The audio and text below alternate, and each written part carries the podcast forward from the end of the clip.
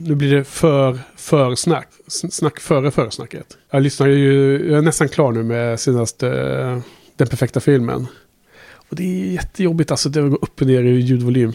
Otroligt mycket. Nu, nu, nu hade jag lärt mig att inte ha det i hörluren, så nu hade jag i bilen istället. Jag har ju, kan koppla in min eh, mo, mobil i en sladd. Ja, precis. Och då var det på hö- högtalarna in i bilen, så höjde jag, höjde jag. När jag Tommy sitter jättelångt ifrån och pratar. Och så helt plötsligt bara, "Åh, svinhögt, jag höll på att köra i diket nästan.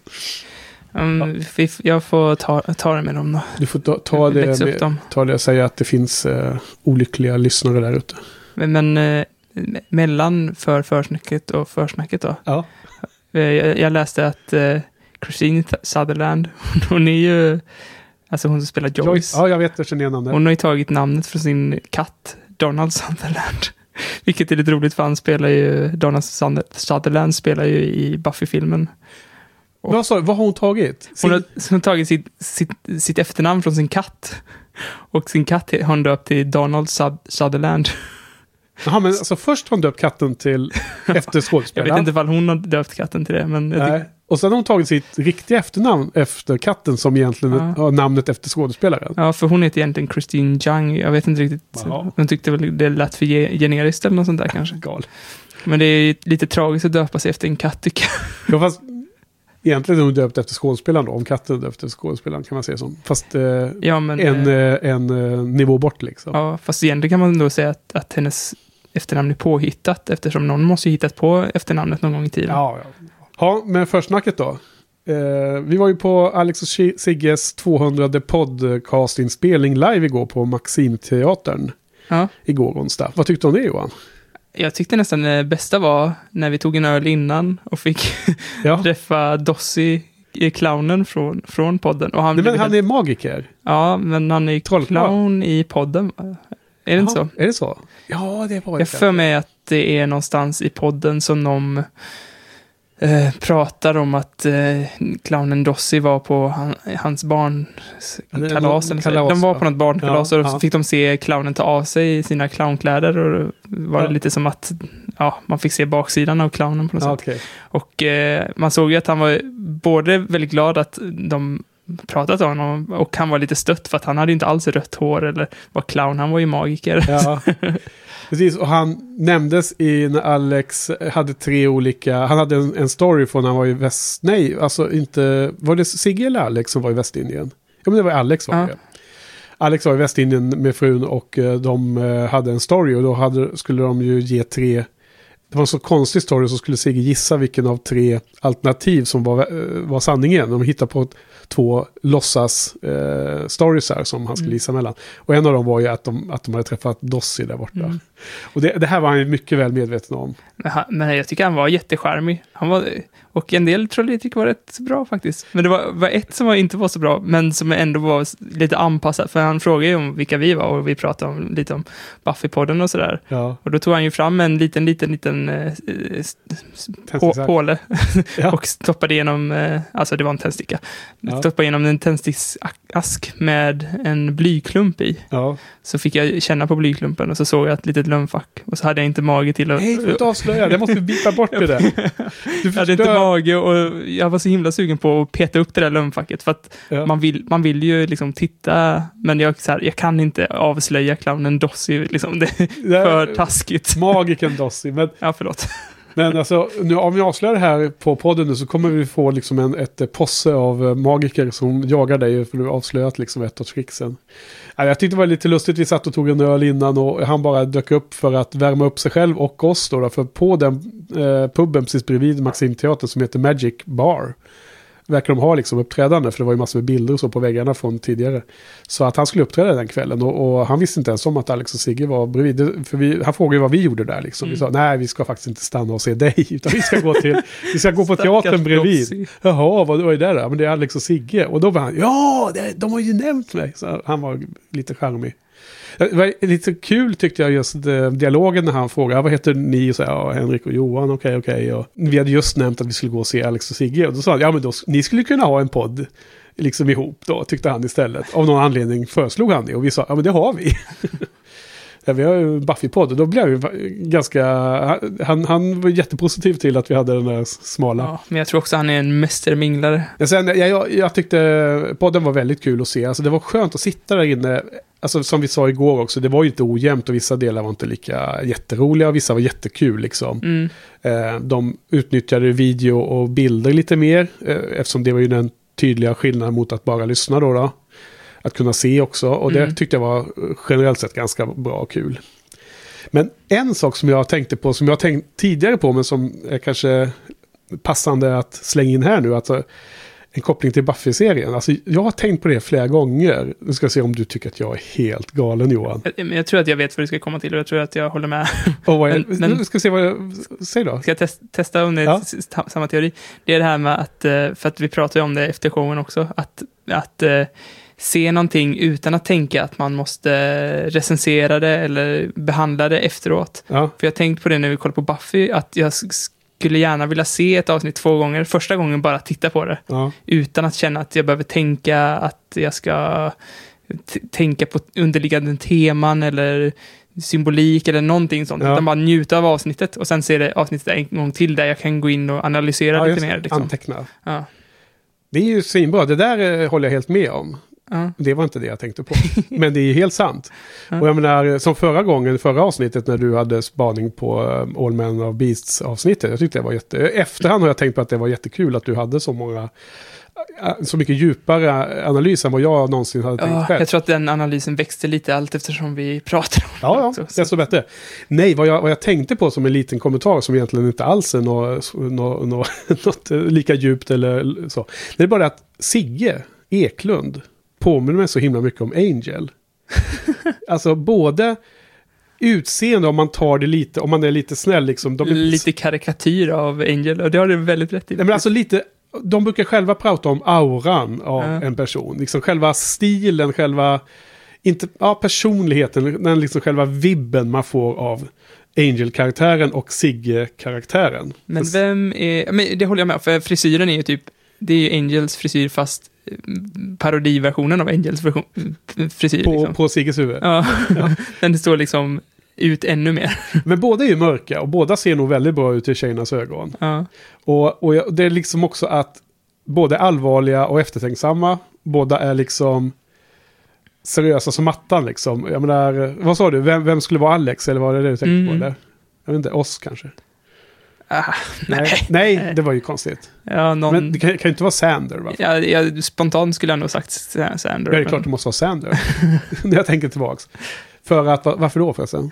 För att eh, han alltid vill... eh, Han är opportunistisk och ser sin egen Clown. vinkel.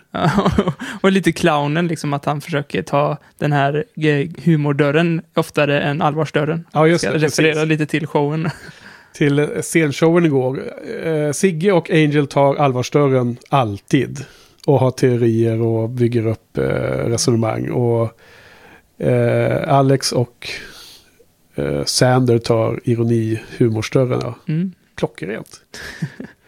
eh, utseendemässigt är ju eh, Angel och, och Sigge mer lika. Ja. Där har inte Alex så mycket att hämta där med eh, Sander. Men eh, personlighetsmässigt finns det faktiskt vissa knytpunkter.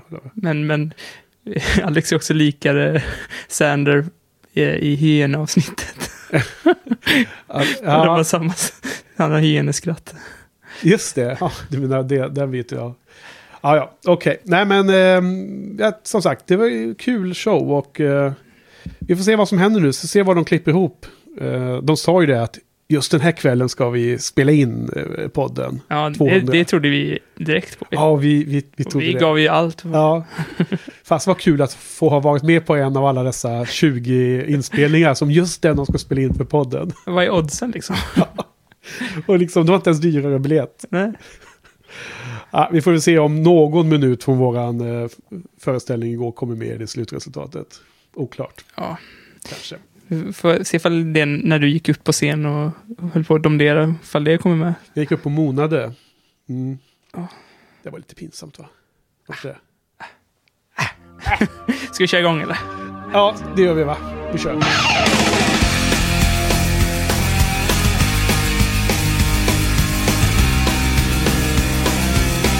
Eh, välkommen till Buffy-podden. Eh, vet du vilket avsnitt vi är inne i nu? Eh, 14? Nej, Ja. vänta nu. 13 är vi i. Olycksaliga 13. Mm. Så olycksnumret. Jag, jag heter Johan Och jag heter Henke. och eh, det är Ja. fyra avsnitt vi ska prata om. Homecoming, eh, som är avsnitt fem på säsong tre. Och eh, Band Candy, avsnitt sex. Revelations, som är avsnitt sju då, och Lovers Walk, nummer åtta. Korrespondens då. Mm. Eh, vi har ju ett från eh, Mr. Pointy-avsnittet. Eh, s- som är lite äldre, som vi glömde ta upp förra avsnittet. Ja, som är alltså sista, avs- eh, sista podden för andra säsongen. När vi avslutade säsongen och sammanfattade. Kommer du ihåg vad vi pratade om då? Ja, men vi pratade om det här dubbelavsnittet som eh, hette eh, Ja, men det var den... Becoming, Part Ja. 1 and 2. När Angel eh, t- hamnade i, helv- Ja. helvetet liksom. Blev nedstucken och flög in i helvetet i slutet. Ja. Och på det, på det hade Karl en kommentar om våran... Eh, eh, det här, vad, är mest, vad ger mest ångest? Eh, fin meningsskiljaktighet om vilken ångest som är mer aptitlig. Att ångra ett beslut fattat på felaktiga grunder eller att tvingas fatta ett jobbigt beslut. Jag ställer mig helt på Johans sida i frågan, men det är intressant att det inte är givet. Jaha. Så vi diskuterade tydligen då vem, vad som gav mest ångest eh, där. Och eh, du har gett lite svar där som man kan gå in och, Gå in och läsa, läsa. och kommentera också på. Och, och du råkade välja just den korrespondensen när Karl stod helt på din sida.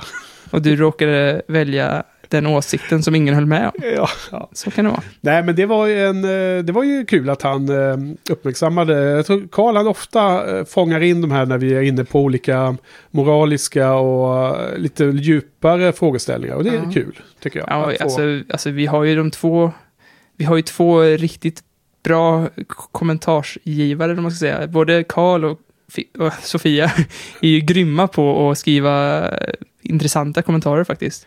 ja och- det, och- det, det, det håller jag helt med om. Det är som att eh, man får till och med nya perspektiv på vad man själv har varit med och pratat om Ja. genom att de har tolkat samtalet. Så det är Ja. jätte, jättekul. Ja. Och så får man lite bekräftelse också, det är alltid nice. Ja.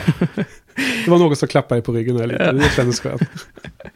Ja, Men, alltså, Sofia har ju också klappat mig på ryggen här i, från förra avsnittet. Ja. Men jag fattar inte riktigt, för där, vad pratade vi om då? Det var, eh, vad pratade vi om förra avsnittet som... eh, Ja, men jag tror att Sofia- skrev en hel del om det sista mm, tv-serieavsnittet som ingick i förra podden. Och det var ju det här All Men of Beasts-avsnittet, va? Mm, precis. Eh, med eh, din, eh, din ganska intressanta tolkning av eh, symboliken i avsnittet. Just det, fan. Den, den har jag, alltså det där kommer vi kanske, det temat kanske vi kan komma in lite på i avsnittet också. Inte just eh, det som vi pratar om sakligen, liksom, men, men eh, jag har tänkt så jäkla mycket, alltså, jag har tänkt så jävla mycket på Buffy överhuvudtaget den här veckan, så det är helt sjukt. Och jag har ändrat så här, fram och tillbaks uppfattning om framförallt Angel, tror jag. För Ja. vi- det har de ju fokuserat mycket på de här fyra avsnitten. Som jag sett till, till idag, eller? Ja, eller Ja. De, har inte, de har väl rättare sagt inte fokuserat tillräckligt på det, i min mening. Ja. Men eh, nu går jag händelserna i för, förväg. där. Eh, hon tyckte att min analys, eller eh, något sånt, var klockren. Och sen så höll hon ändå med dig om kritiken. Jag fattar ingenting. Det var ju inte min, eh, Ja, min det... teori så intressant ändå. Då. Eh, nej men Sofia hon är ju eh, mångsysslare. Hon kan göra eh, flera saker samtidigt. Tänka två tankar samtidigt kanske. Nej men alltså jag, jag tror att jag, jag, jag, jag hängde med vad hon menade. Jag menar det, för det första var vi väl inte speciellt oense utan vi var väl bara båda var lite sökande efter vad, hur man egentligen skulle tolka det och vilka Mm. perspektiv som, som var liksom som de, som de jobbade med och så. Jag, men, jag tror att vi Men- båda... Jag tror, ja, precis. inte- Hon, hon inte- kanske höll med om min teori, men att hon fortfarande tyckte att de här eh, stereotypa manlighetsrollerna var tröttsamma att se. Ja. Medan jag kanske inte det kanske gick över huvudet på mig, de här stereotyperna. Ja. Så, eller att jag inte, att jag sket i det kanske. Men Ja. sen har hon ju också väldigt mycket så här, hon har ju typ, list, gå in och läs, för hon har ju typ listat eh, massa referenser, ty- typ vart zombiekatten och ja, klövarna på Takiti. Det är väl värt att läsa Sofias långa Ja, och intressanta Hon är, ju, hon är ju lite av en vampyrexpert, så Mm. det, det är definitivt mer värde att läsa dem, tycker jag. Jag tänkte på en annan sak som vi också skriver i, i som du skrev i svar till Sofia på kommentarsidan som man kan läsa själv då, då om man vill se hela. Men att du kommenterar att förra gången efter vi hade spelat in podden klart och eh, innan du gick hem på kvällen Mm. så pratade vi ju vidare om den där diskussionen. Ja. Om, eh, om eh, tematiken i sista avsnittet. Det var eh, pratat så länge om då, den här eh, eh, Beauty and the Beast avsnittet. Och eh, utan att återge hela den eh, långa, djupa, jätteintressanta diskussionen vi hade som jag ändå tyckte och håller med som du skrev då till Sofia. Så just den där kommentaren som du sa att en sån här diskussion hade man liksom svårt att se att man skulle hamna i efter ett avsnitt av eh, Game of Thrones. Mm. Den här otroligt populära serien som ändå eh, jättemånga känner till. Och, och jag håller ju helt med om det. Jag tycker det är jättekul eh, kommentar och ganska... Man blir lite glad att... Ja, men det, är det är kanske därför vi gör den här podden också, Ja. delvis. Att den är... Alltså, du kanske hade en föraning om. Jag har ju inte sett ett enda avsnitt, men du hade ju säkert en föraning om att det kunde väcka intressanta diskussioner. Ja, Medan jag mer såg det som att det, är så här, det här är en populärkulturell lucka som jag måste fylla och varför inte podda om det? Och jag tror att hade det inte varit så jävla bra och intressant, liksom, då hade jag skitit i det. Ja. Då hade jag kanske gett det en eller två säsonger, sen hade jag nog eh, ja gått vidare. Och nu sitter vi här i säsong tre och Ja. jobbar på. Nej men alltså, jag, jag, jag trodde nog att det kunde vara många intressanta diskussioner, men det har blivit mer än vad jag trodde faktiskt, ska säga. Så Mm. att delvis jag hade jag någon förväntan om att det är klart det finns många lustiga grejer att prata om. Men jag tror, jag tror att jag kanske var mer, eh, jag såg eh, mer diskussioner om de här olika specialavsnitten när de testar olika eh, koncept. Att liksom, det, de latchar med oss i publiken och sig själva med olika, eh, olika typer av avsnitt. En del är mörka, en del är humoristiska, en del är liksom film noir som det var någon gång och sådär Mm. Men jag tror att vi har haft mer diskussioner om teman och vad avsnitten egentligen handlar om än vad jag hade förväntat mig. Så det, jag tycker det är en ganska bra utdelning, kul. Ja, och de, de diskussionerna har ju också eskalerat Ja, Eh, och det, det, det är ju verkligen så här, jag skrev på Reddit, som jag hänger lite på nu, när jag diskuterar Buffy, för de har ju också så här rewatches, det kan man ju läsa. Men eh, att så här, första säsongen är lite av en sån här honeymoon där man bara har det nice, liksom. Man får Ja. lära känna karaktärerna och sen och sen blir man liksom drabbad av Josses eh, lömska dagger. ja sadistiska läggning mot oss tittare. Okej, men vad säger du? Ska vi, eh, eh, ska vi stänga korrespondensboxen då? Yes. Då ska vi gå vidare med första avsnittet. Hello, ladies. Welcome to Slayer Fest 98. What is a Slayer Fest, you ask? Well, as in most of life, there's the hunters and the hunted. Can you guess where you two fall? From the beginning of this tape, you have exactly 30 seconds. No, that's 17 now. To run for your lives. Faith. Buffy. Have a nice death.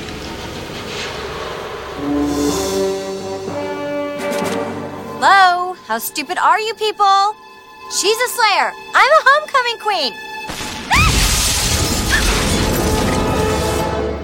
Yes, eh, avsnitt eh, fem på säsong tre heter Homecoming.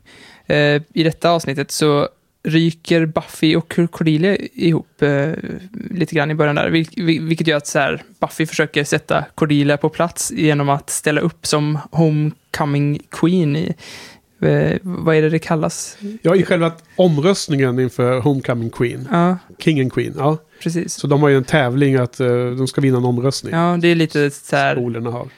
Kanske en liten referens till hennes liv innan hon, bör, hon flyttade till Sunnydale. Ja, just det.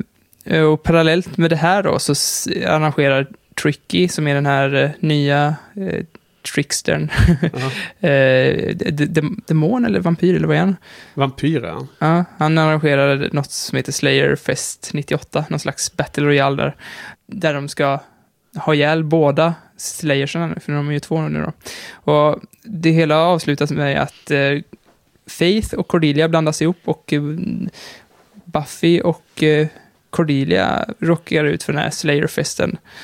Eh, där det liksom samlas ondingar, alla olika typer av ondingar samlas för att döda de här. Ja, Ehm, den här Slayer-festen då, som avsnittet lite avslutas med.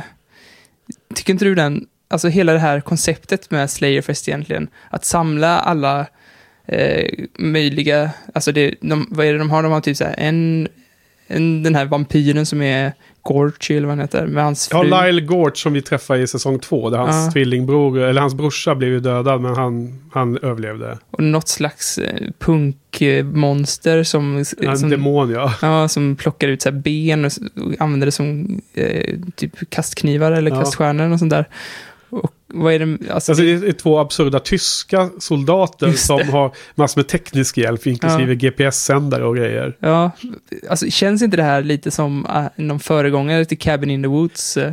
Ja, Cabin in the Woods, alltså jag... Ja, det är intressant. Inte eh, lite handlingsmässigt, men framförallt lite känslan när de springer kring i skogen där. Ja, Så det, är det lite... det, är ju ett Cabin in the Wood. Liksom. Ja, de är verkligen i en, en liten stuga och gömmer sig. och de i samlar massa olika typer av monster. Ja. Liksom. Ja, jag, jag håller med, jag ser eh, absolut kopplingen. Men sen tänker jag också på någon, finns det inte någon film där det är just att massor med rika folk samlas och ska jaga någon människor? Det finns det är en sån här standard eh, ja, men det är lite story. Battle Royale, Ja, där är det att de tävlar mot Hunger varandra. Games. Ja, precis. Men det är, för mig, det är någon svag minne. Jag tror... eh, Jag kommer inte på nu om det är någon film jag tänker på. Men Jag såg ju Passion of the Nerds eh, review på den här och då var jag känner inte igen det, men han refererade till någon film med, med eh, Terminator, vad heter han? Arnold Schwarzenegger. ja.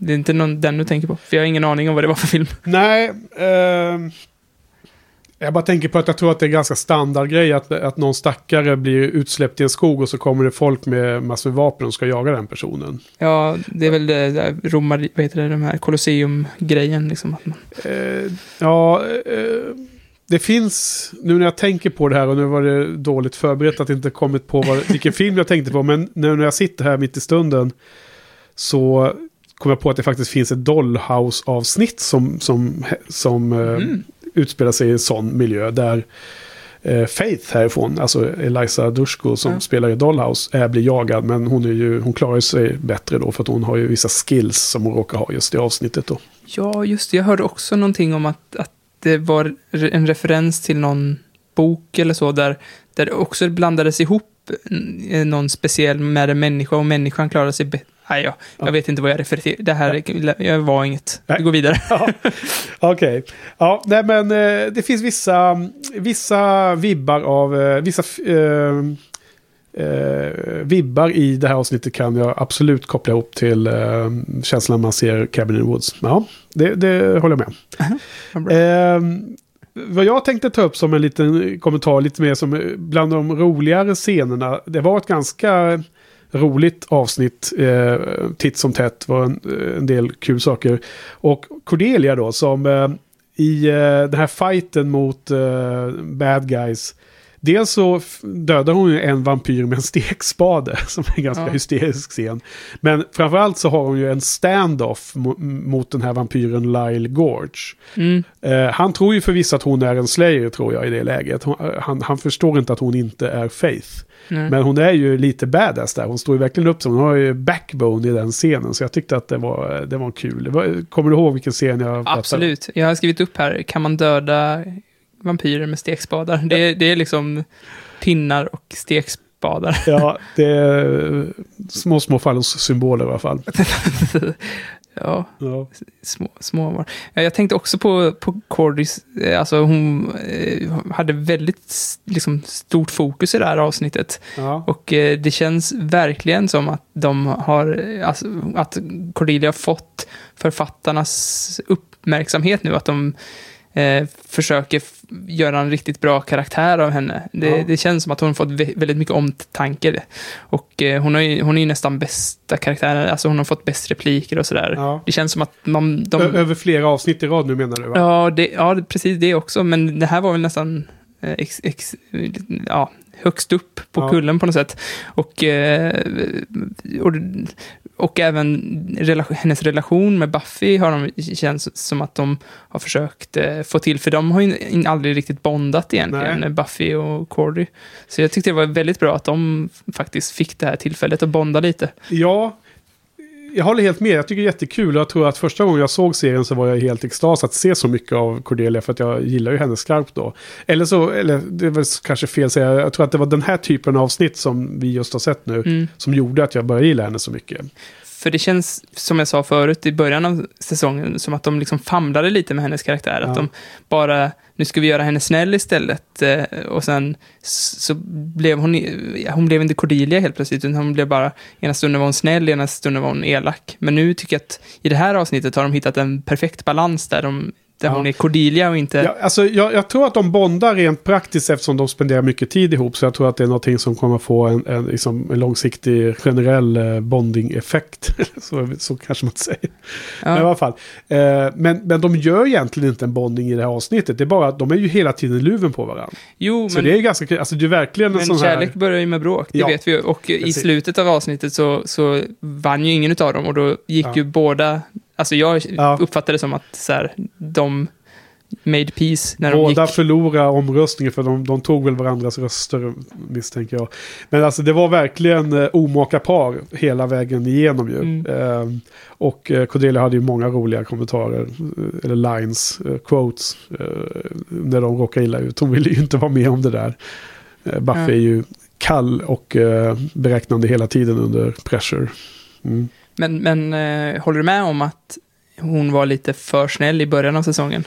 Ja, eh, Att de bara flippat hennes karaktär lite grann liksom. Nej, inte riktigt att det är så mycket, men eh, jag kan nog hålla med om att det säkerligen fanns delar av, av karaktären som kan eh, upplevas som att den är eh, mer fladdrig. Jag ser det inte lika mycket så nu, men det är så svårt att avgöra vad som är eh, minnen från förra titeln och Mm. nya, nya intryck. Men jag menar, så, så, förra, avsnitt, förra podden när vi pratade om det här avsnittet där när eh, Cordelia och eh, Buffy och de andra står och tittar på sina provresultat, de SATs, då är ju Cordelia jättespydig mot Buffy och, och verkligen inte för snäll om man säger så. Hon, hon, hon, hon, hon beklagar sig till och med över att Buffy har så bra resultat. Och, eh, men så finner hon sig och, och säger att ja men vad bra, då kan du ju flytta härifrån för gott. och så, men det var bara en, en positiv kommentar, fast det var uppenbarligen en total diss av Buffy. Liksom. så jag vet inte jag. Nej men eh, det, det, jag tror att du har de fräscha ögonen och det är ju du som ser det första gången. Så att det, det, din Jo, men också... känsla får gälla. Jag, jag känner ju också med dig lite grann, för det är ju också så här att i de, alltså den tredje säsongen nu, det är så jävla mycket som händer i alla, Ja, alla avsnitt liksom. Det, alltså, de är bara packade med handling, så att Ja. jag förstår ju att man inte riktigt kan hitta något slags mönster och så. Mm. Men, men jag, tror nog, jag, jag tror att du har helt rätt när du är inne på att de har fokuserat mer, mer på Cordelia. Ja. Och utan att gå allt för mycket för, för, förväg så är det ju det fjärde avsnittet som vi ska prata om idag. Mm, Slutet på det har ju en väldigt dramatisk impact som Mm. berör Cordelia. mm. Och hade man inte byggt upp en, en, en, en känsla för henne, en empati som är mycket mer än att hon är en, en eh, bitch som är snygg och springer omkring och säger one-liners. Då hade ju inte den scenen i det här åttonde avsnittet Verkligen inte. betytt något för oss. Så att de har ju jobbat ganska länge på att kunna bygga upp till slutet på Lovers Walk då, åttonde avsnittet. Ja, och, och, och jag tycker som sagt att det här avsnittet hittar de balansen. Ja. Men ska vi gå vidare till en Ja. av dina punkter? Ja, eh, nästa grej jag tänkte höra med dig. Det, eh, det introduceras ju en, eh, en ny karaktär som vi får träffa som vi har hört, namn, hört nämnas om tidigare som är The Mayor. Alltså Mm. borgmästaren i staden. Mm. Så vad, jag vill bara bolla tillbaka till dig direkt. Vad, vad tyckte du om den figuren? Och så här, första gången vi får se i, i, i live liksom, i, i, i bild. Ja, spontant se var väl inte jättebra känsla kanske. För att det, det är alltid så här, för det första är det ju alltid läskigare när, man, jag har ju hört hur det refereras till borgmästaren flera gånger. Ja, Och eh, så- så jag har ju tänkt att han är ju värsta mafioson. badass ja. Ja, ja. och eh, dessutom så är det ju lite så att alltid när det kommer in nya människor så är man ju lite så här eh, avståndstagande. Man så här, tittar vad de går för innan Ja. man liksom kan ta till sig dem. I, så här, det gäller ju, Så är det i livet också. så är det ju alltid. Men eh, jag tyckte det var lite, han var lite, eh, vet det, managerad. Att han, han har ett speciellt sätt Manera, just. Manerad, precis. Det var det jag menade. Han har eh, ja, lite karikatyr liksom. Men jag vet ju också att det är så Joss jobbar lite. Att han har den här lite stereotyp liksom, han använder stereotyper som en genväg till att man Ja. ska lära känna karaktärer, så kan, så kan han snabbt börja flippa på de här stereotyperna och vända och vrida på dem. och, och den allra första flippen är ju det som du var inne på, men du kanske inte tänkte på själv. Att det har ju målats upp som en, eh, någon som folk är lite orolig för. Och Principal Snyder framförallt har ju nämnt honom. var- Varje gång han har nämnt honom så har man sett att han liksom sjunker ihop lite som att han är rädd för The Mayor. Mm. Och sen får man se honom så är han liksom en... Eh, eh, vad är det här för någon? Det är inte någon farlig person. Men sen så märker man ju, tycker jag redan i första avsnittet, för det har jag tittat på forumet vad jag skrev Mm. för tio år sedan, att han är ju liksom lite crazy. Han, Mm. han är det här oberäkneliga, galna uttrycket tycker jag, i sitt maner. Jo, men det var nog det lite grann som jag räknade till den stereotypen. Ja. Men, ja. Men han, han var ju inte... Man, man hade kunnat tänka sig att det skulle vara en mycket mer eh, hotfull bild av honom direkt. ja. Eller hur? Men sen så var det någon insmickrande, leende far, farbror som... Eller inte farbror, inte gammal, men liksom man som lika gärna kan vara nästa granne liksom. Men som dessutom var, hade någon skruvlös får man en känsla av. Det är den bilden jag fick av honom. Mm. Ja, okej. Jo, men det kan, det, jag, tror, jag tror säkert att han kommer bli intressantare för mig. Eh, Det, det kändes, här, när han sniffade på papper och så här, det kändes lite f- för så här, kolla vad jag är konstig. Ja. Det, det trodde du inte va? Typ. Nej, nej. Ja. Eh, det här kanske jag bara ska ta upp en gång, för det händer hela tiden. Men det är tydligen en grej att Giles blir knockad hela tiden. Ja. Att, eh, för jag ty- tyckte ju så jävla synd om honom för att han hela tiden blir han nerknockad, Ja. folk jävlas med honom hela tiden liksom och han behåller sin cool hela Just det, det, det du pratade om förra gången. Ja. ja. Men- men det, det var ju helt klockren. Fast då kallade du honom bitter förra veckan. Det var det jag inte riktigt fattade. Men resten var ju helt, eh, höll jag helt med om. Ja, ja, ja men eh, han, han blir, han, jag vet inte ifall bitter var rätt ord, men han, han så här, han blir inte arg och han blir inte ledsen, han bara suckar och bara, ja, nu blir jag det är här. lite uppgiven så. Ja, uppgiven kanske, Ja. det är ett bättre ord. Absolut. Men, men eh, nu, just han fortsätter ju bli knockad genom hela de här fyra Ja. avsnitten. Liksom. Han blir ju knockad hela tiden.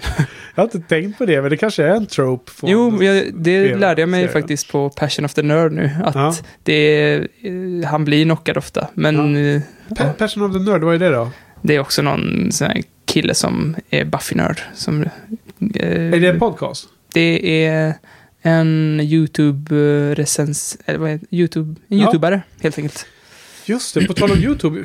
Mejlade inte jag länken till dig om en, en tjej som gjorde Jo. Jag, videorecensioner? jag kollar av- på hennes recensioner också. Ja, det var säsong två. Det verkar inte ha kommit så långt va? Nej, båda två, alltså det tar nog rätt lång tid att Ja, göra. Alltså ja. Passion of the Nerd har ju tydligen haft så här jättelånga uppehåll och sen han satt igång nu igen faktiskt. Okej, okej. Ja, ja, nej men det, det var lustigt. Det, det, det, måste jag hålla mer spaning på då. då. Eh, jag har inte tänkt tanken just, men det var Nej. kul. Jag, jag, tyvärr så tar väl Passion of the Nerd slut snart Ja. för att börja komma ikapp honom där. ja, eh, nej men vad jag hade sista grej. Eh, jag tänkte att jag har tittat tillbaka på vad jag skrev om avsnittet när jag såg det Mm. för tio år sedan. Och det var lite lustigt därför att eh, vid sidan... Jo, men du skulle ju, vi skulle ju ta upp det. Det var ju din andra punkt, det här med den stora grejen som hände i avsnittet. Det här med Willow och. Sanders som Ja. hade värsta kyssen mitt i allting. Helt Ja. plötsligt så föll de till föga, eller föll de för sina lustar då när Sander var uppklädd i sin smoking som skulle gå på festen och Willow eh, fick på sig någon svart eh, festblåsa och Sander blev jätteförtjust i henne. Ja, det här hör ju till hela den här grejen med att jag har tänkt så jävla mycket på den här serien. För att jag pendlar hela tiden till att så här, mellan att hata det här, det här liksom, Ja, att det hände. ja, att det hände. För att det, det känns så här, varför båda två har världens bästa Ja. partners. Och sen, och sen hatar jag ju Sander liksom. ja, För att han har varit en jävla douche genom de senaste två säsongerna liksom. ja. Och, eh, men samtidigt så är de ju så jävla söta ihop. Jo, Så att man, ja, och så tycker man så jävla synd om dem samtidigt som man hatar dem liksom. Så att, ja, det är För- komplexa kom- känslor där. kommer du inte ihåg vad de säger i slutet av, ett, av avsnitten i säsong ett när de säger relationships on the hellmouth. Det kommer aldrig gå bra liksom. Mm. Det är ju en eh, föraning mot hela serien kan jag säga. Hel, alla sju säsonger. Åh, stackars jävla oss också. Fan. Ja, det är så synd. om- Alltså Willow och oss hade ju varit så bra, men det... Ja. Eh, då tillbaks till när jag tittade lite vad jag skrev förra gången. För då hade jag ju, då uppehöll jag mig ganska mycket runt den, eh, den saken som hände då när de till slut eh, kysstes och eh, liksom fann varandra på det sättet. Mm. Och jag eh, kommenterar också att jag tyckte att själva avsnittet hade lite feeling av slags en, en liten kort film. Alltså kort eh, eh, riktig film i, i dess kvaliteter och dess eh, känsla runt det. Vilket var någonting som du var inne på förra podden, att, att du tyckte att, att produktionsvärdet hade ökat, liksom. det var bättre Mm. musik och det var bättre filmiskt, uttryckte du det. Mm. Det var en lustig eh, callback till vad du sa förra veckan, så hade jag själv sett då för tio år sedan. Så att eh, av någon anledning så var jag lite hypad runt den här kyssen och jag tyckte det var kul avsnitt. Jag tror att jag älskade att det var mycket fokus på Cordelia, så att jag hade ett jättehögt betyg på den. Jag satte 8 av 10 då. Mm. Men om vi ska komma in på lite vad man tycker nu då. då så jag tyckte väl att det här var... Eh, alltså, det var berg och dalar. Det var både bra och lite sämre delar. Och jag, jag, jag, jag sätter ett bättre än helt okej. men det, är liksom, det, det, det är bra men inte superbra i mina ögon. Så jag sätter en femma den här gången. Ja, alltså jag, jag, alltså jag satte ju också en femma. Ja. Jag satte betyg precis innan jag såg men när vi pratar om det så känns det ändå som eh, eh, att jag tyckte mer om det. Men jag tror att en femma är Ja, alltså betyg. lägsta nivån glider ju uppåt hela tiden tycker Ja. jag den här eh, tv-serien. Och, eh, eh, men, men det var inte så bra.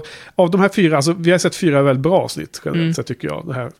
Ska jag säga en sak som var dålig då, som jag Ja. tyckte? Det var ju typ det här Angel, som vanligt. Jaha, När, jag kommer inte ihåg. Han var inte med så mycket va? Nej, nej, precis. Men hans, liksom, hans skugga är ju över hela avsnittet. Genom hela de här fy- fyra avsnitten. Men han säger ju, Buffy säger ju till honom, jag behöver en stabil pojkvän, klipp. Eh, Scott Hope gör slut på eh, värsta, jag, här, jag, jag gör slut med dig för du verkar inte så himla pepp. Säger inte Angel. Ja. Inte sån där som är, är, är ihop med någon i vått och torrt direkt. Bara minsta motgång, bara, "Ah, men du verkar inte så himla glad, jag gör nog slut. Ja. så att eh, det var ju också så här jävligt tråkigt, för det, jag tror, det, alltså, det hade varit coolt ifall hon gav en vanlig bra kille en Ja. chans. Liksom. Eller, Men du var besviken på att Scott hette han va? ja, Att han var dumpa Buffy när det kändes jobbigt liksom. ja, Ja. Så, nästan, in, för det kändes som att det var manusförfattarna som eh, gjorde så att de eh, gjorde deras breakup och det var inte Scott Hope som gjorde Okej. slut. Liksom. Mm. Det, det kändes väldigt, väldigt mycket som att manusförfattarna behövde... Tillrättalagt för att eh, driva handlingen framåt med Angel. Ja, exakt. Ja. Bra, bra. Det var så jag menade. Jo, nej, jag tänkte inte så mycket på det, men eh, jag förstår nu precis vad du menar när du tog upp det. Ja, men fem och fem. Eh, det är ju inga, inga, det är ju absolut inga, inga problem att vi har helt olika åsikter, men det ju, ska ju inte vara något problem att vi har samma heller. Nej. Det är bara lustigt, för vi kan ju nå de här samma betyg från olika håll, känns det som ibland också. Mm. Okej, men vad, du, vad säger du? Ska vi gå vidare till sjätte avsnittet? Mm.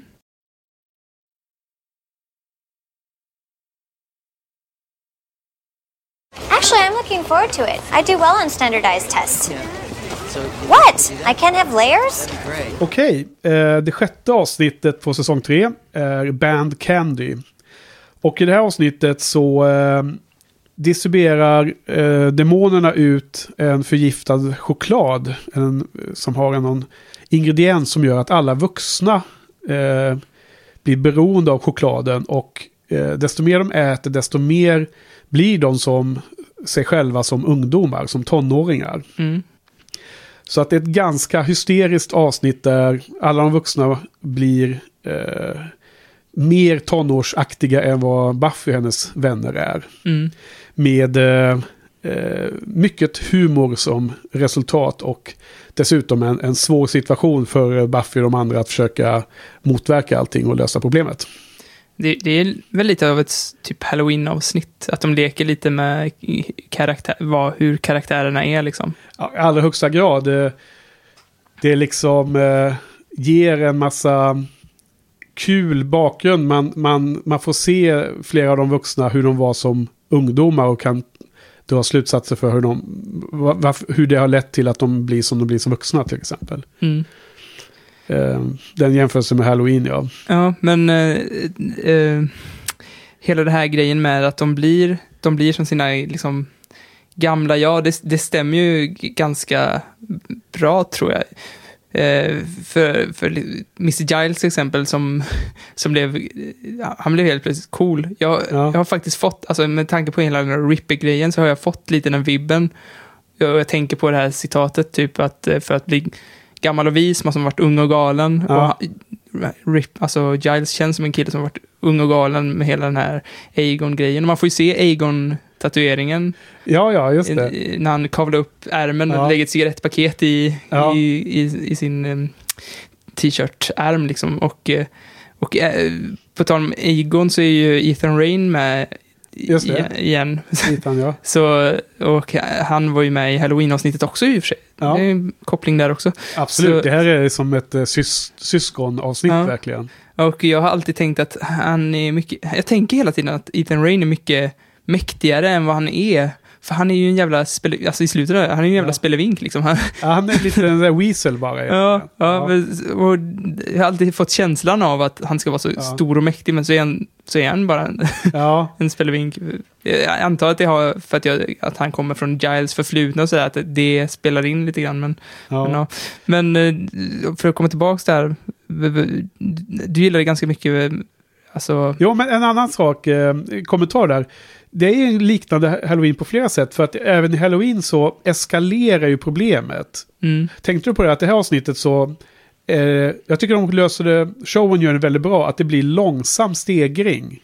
mm, Det, det är inte så att det är från natt och dag på en sekund, utan mamman Joyce, Mr. Giles blir Ripper och Principal Snyder och andra vuxna, andra lärare och så vidare. De är liksom gradvis lite konstigare. Ja. konstigare. Och det är till och med att de här, jag tror ehm, Buffy och oss har en rolig kom, dialog där om att allting är galet runt oss liksom. Och, så här. och de undrar lite. Och sen så efter eh, andra halvan av av avsnittet, då är ju som det är full blown. Då är alla Ja. vuxna som unga tonåringar som går på eh, knark liksom. Eh, Totalt oansvariga och eh, helt eh, reckless liksom. Så eh, eh, det finns en annan liknelse med Halloween där. Jag tyckte att den var ganska... Ja. Och det är bra skrivet just att det blir den här gradvisa förändringen. ja. Och det Mycket alltså, roligare. Nu går jag händelserna förväg lite här, men att det avslutas med att det kommer massa vampyrer på led och går och hämtar spädbarn, alltså det, det är så Ja. jävla, alltså det är ju inte läskigt, det är bara roligt liksom att de kommer och Ja. hämtar spädbarn och ska, jag vet Ja. inte vad de ska göra riktigt. Hela anledningen till att de ska fucka upp för hela staden är att de, man ska stjäla fyra små spädbarn från, från eh, eh, vad heter det? Sjukhuset. Ja. Och det liksom känns som att det är lite overkill att göra alla vuxna i hela staden eh, som förbytta. Men eh, det får man väl se som en blinkning av showen till oss. Att tycka att ja, ja, vi var ju tvungna att hitta på något liksom. ja, men det, Ja, nej men en, en annan intressant då av de här vuxna som jag tyckte var extra intressant att titta på. Det var ju den här Principal Snyder som är så maktfullkomlig och eh, så pass eh, gniden med sin maktposition i Mm. många situationer. Och framförallt att han håller på att jävlas med Buffy, bara för han kan. han är ju, han är Giles motsats kan man säga. Ja, precis. Han, ja, exakt. Va? Och nu då när han går tillbaka till sitt eh, ungdomsjag så märker man att han är en sån eh, eh, liten... Eh, han, är, han är typisk en sån... Att han var en sån kille när han var ung som försökte hänga på de tuffa killarna men Mm. inte riktigt fick vara med. Mm. Och hela tiden liksom, du vet, de måste gå iväg med bilen och så. Han kommer, springer efteråt och hoppar in liksom och knöser in liksom, istället för att bli inbjuden. Ja. Och, och att det då är så lustigt att när han blir vuxen och får en, en maktposition att han då tar det upp, uppdraget på helt fel sätt då. För då har han äntligen fått makt att bestämma över de andra. Och ja, då kommer ju veckans obligatoriska Harry Potter-referens. Ja. För jag tycker att han då egentligen liknar ganska mycket den här eh, karaktären Peter Pettigrew. Mm. Jag hatar ju den, råttan. jag hatar Timothy Spall alltså.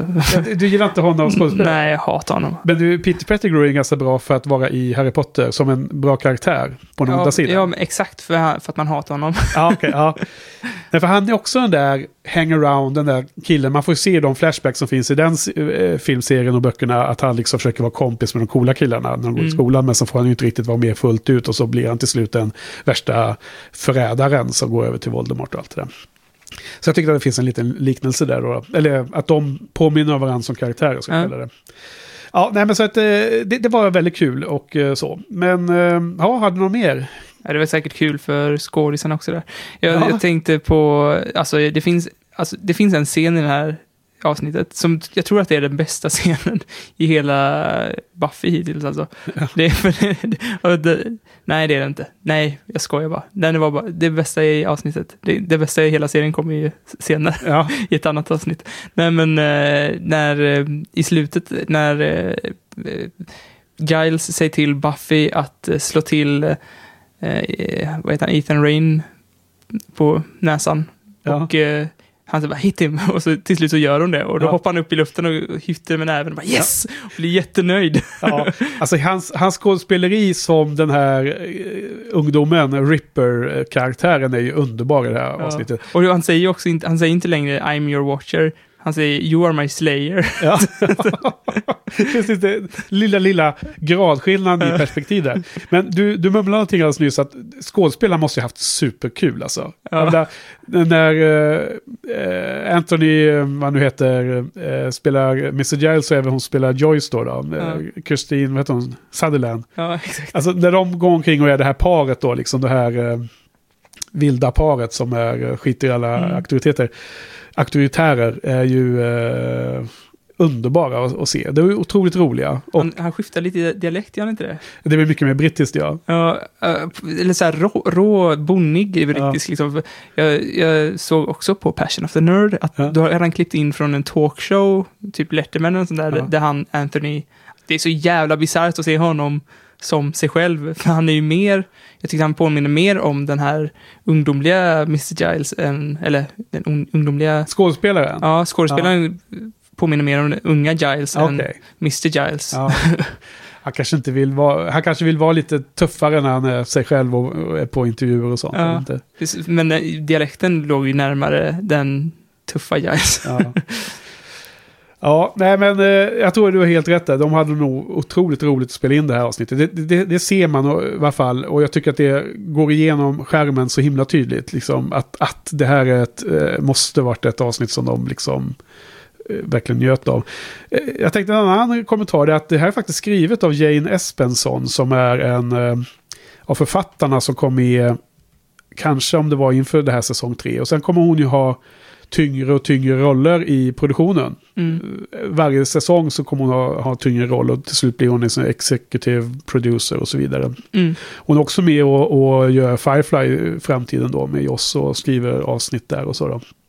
Och jag, jag bara njöt av dialogen här och speciellt i början liksom och när allting, under den här fasen när de försöker upptäcka allting. Ja, så att jag tycker det, det- var himla kul att, eh, att det här avsnittet är så lyckat på det, på det sättet. Ja, men det är kul och intressant att se Joss eh, liksom få stöd av någon annan smart och intressant eh, skribent. Liksom. Ja, Inte och, få Seth Green vid sin sida hela tiden. Eh, precis, det var väl i och för sig han som regisserar just Halloween med tanke på... Ja, det det var sant. lustigt nog. Men Ja. nu kommer jag inte ihåg vem som regisserade det här. Om, kanske Jane gjorde det själv, kommer inte ihåg. Men eh, jag tror nog att det, det klumpar nog ihop sig liksom. Är det inte så i sådana kreativa kretsar att eh, bra folk klumpar ihop sig med andra bra folk? Att det är lätt att eh, de hittar sina liksom eh, jämlikar och Mm. vill jobba ihop och sådär då. Ja, hade du något mer att eh, tillföra? Ja, jag tänkte lite på eh, när man läser kritik mot det här avsnittet och även flera avsnitt i säsong tre så är det så här, ja men det var lite Monster of the Week så det drog ju ner Ja. betyget lite. Men jag tycker ju att det är ju ingen nackdel om det görs så bra som det görs. Alltså jag gillar ju så att det var så, det var en ful datororm som äter bebisar, Ja. liksom och sen att, så här, jag tycker det, det passar om det har om man, om man kan ta med sig andra saker. För den kritiken som jag har hört är ju typ så här, men det, ähm, monstret var inte läskigt. Men det, jag tycker inte alltid det måste vara läskigt. Det kan, men det behöver aldrig vara läskigt. nej, nej, det är ju inte, det är inte ofta det är läskigt liksom. Alltså, och, och, det här är så otroligt tydligt i det här avsnittet. Ja. Att, att uppbyggnaden till att möta monstret är ju allt. Mm. Sen när monstret kommer så är det en ganska dålig eh, eh, specialeffekt. Mm. Och, det, och det tar ju mindre än en minut att besegra det monstret. Så det, det är ju inte viktigt överhuvudtaget. Nej, och jag, Tiden de lägger på att visa monstret är ju försvinnande liten. Ja, verkligen. Och det, det påminner lite om det här tredje avsnittet av X-Files. X-Files har ju också så, det är väldigt likt X-Files i och med de här de har också sådana här typ som Halloween specialavsnitt där det bara är roligt liksom. Ja. Där det bara, monstret bara är ro, roligt och, och i den senaste säsongen nu har de det enda avsnittet som var bra. Så, så har de ett sånt avsnitt där, fan heter han, eh, what, från Varulven i What We Do In The Shadows. Jag har inte sett den filmen, men det är den här nyzeeländska. ja, men han är med där och spelar Ja. ett, ett, ett, Är det han En- från uh, Flight of the Conchords eller? Ja, precis. Han, han som är deras regissör, eller vad det är. Mm. Han, han spelar ett monster som blir förvandlat till människa. Okej. Så att det, Det, det, det, är lite, verkar hemskt. ja, så att han är ju ett monster, men så, eller monster inom situations... Vem är det som är monster? Alltså avsnittet var vem är monster? Människan Ja. eller mo- monster? Liksom. Så, Vilken är världens farligaste djur? ja, Det var spegeln på Naturhistoriska museet. Liksom. precis. Ja, ja, eh, ja just det. Nej, men eh, ja. The last one always need to say something. en bra avslutning där. Vad är det, Trixton som flyr upp ur när... Eh, vad heter det? Mr Trick. Ja, Ja, han, han springer undan där när i slutet. Jag kommer, alltså jag kommer inte ens ihåg slutscenen för den är så oväsentlig. nej men han säger någonting så här och så håller han upp två fingrar så här och pekar Ja. på Buffy. Och Okej. Buffy bara skakar och bara, den sista vampyren ska alltid säga någonting. Ja, okej, det var så det tänkte jag. Ja, ja, jag kommer inte ihåg just det, men, men jag, jag kommer ihåg att han, han har sin röda kostym där. Han, han, han drar sig undan direkt när han ser att det går dåligt. Men det var typiskt sån humor som var genom hela avsnittet. Så det ja, var, ja. ja, nej, eh, en sista kommentar då, i alla fall. Det finns en scen där när eh, Mr. Giles och Joyce, också det här lustiga att det byggs upp långsamt för att de, innan vi märker att de är helt galna i huvudet, så har de ju också spelat vuxna ett tag. Tänkte du på det? Nej. De, de liksom lurar ju Buffy att de ska gå och göra vuxna saker. Men det, istället har de ju gått hem till Mr. Giles och sitter och dricker sprit och lyssnar på vinylskivor. Ja. Så att vid ett läge har de ju blivit yngre och blivit så här eh, crazy. Men de, de, har liksom, de, de, de har lurat att göra precis det som Joyce för övrigt har varit förbannad på Buffy att hon gör. Att hon inte berättar vart hon går på kvällarna och vad hon hoppar, hittar på. De måste ju kontrollera henne liksom. Så det är bara total switch mot det då. Ja, det gör det väldigt tydligt också vad som gör serien så himla bra. Och jag läser en bok nu som, där de inte gör det så himla bra. Att det här med att man skriver för ungdomar, här känns det som att de här eh, vuxna som eh, blir ungdomar nu, Ja. det känns det som att för, manusförfattarna, så här, hur skriver ungdomar på, eller hur, hur pratar ungdomar på 60-talet eller 70-talet, eller när det nu Ja. kan varit.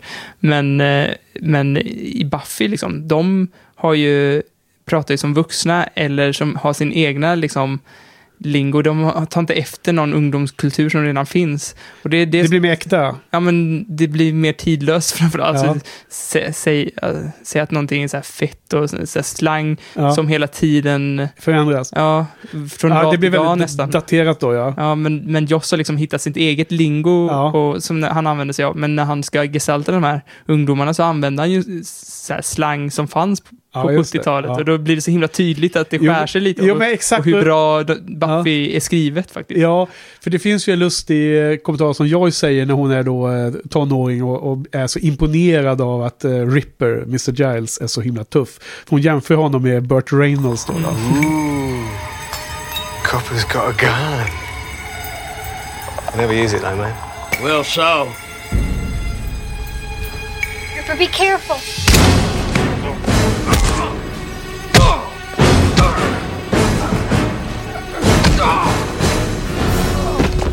Told him he never use it. You are so cool. You're like Burt Reynolds. Det är, liksom, det är höjden av cool. Och då förstår man verkligen att hon är tillbaka i 70-talet i sitt huvud. Nej, men då, när de sitter och spelar vinyl, då, som jag då tyckte var en lite nostalgisk och härlig scen, då spelar de någon jättebra eh, Cream-låt som jag fick lära mig på eh, Buffy Forum faktiskt. Det är Tales of Brave Ulysses heter den låten, enligt eh, någon som hjälpte till där. Och en låt från 1967. Och det, jag menar, jag, är ju, jag gillar ju 70-tals eh, eran, eh, sent 60-tal, 70 och första halvan av 80-talet är ju liksom min musik... Eh, period som liksom man nästan fryst lite i, det, i, i den musiksmaken. När man har blivit liksom passerat den där unga 20-årsåldern och, och, och så. När man liksom eh, f, eh, bildar sig sin musiksmak. Nu görs det ju ingen bra musik längre. Yeah, they're okay. and the colors of the sea. Do you like Find your seals and eyes craft? of trembling mermaids, and you touch the distant beaches with tales of rain Yeah, in the sea. me neither. How his naked ears were tortured by the Thanks. sirens sweetly singing, for the sparkling waves are So how come they uh, call you Ripper? the white lace net. Wouldn't you like to know? Hmm. Wait a minute. This, this is this bit. And you see a girl's good. Man, I gotta get a band together. and Hey, Ripper, you want to watch TV? I know how to order pay-per-view. No, let's go out have some fun. Tear things up a bit. Okay. We could go to the Bronze. Bloody likely, that place is dead. Det var någon som sa det. Vilket sammanhang var det? Om det var på något tv-program eller om det var någonting om att i framtiden kommer ju inte folk sitta och lyssna på dragspelsmusik på ålderdomshemmen. Utan kommer ju sitta och lyssna på Metallica. Och så. Ja, för det var, Skrillex.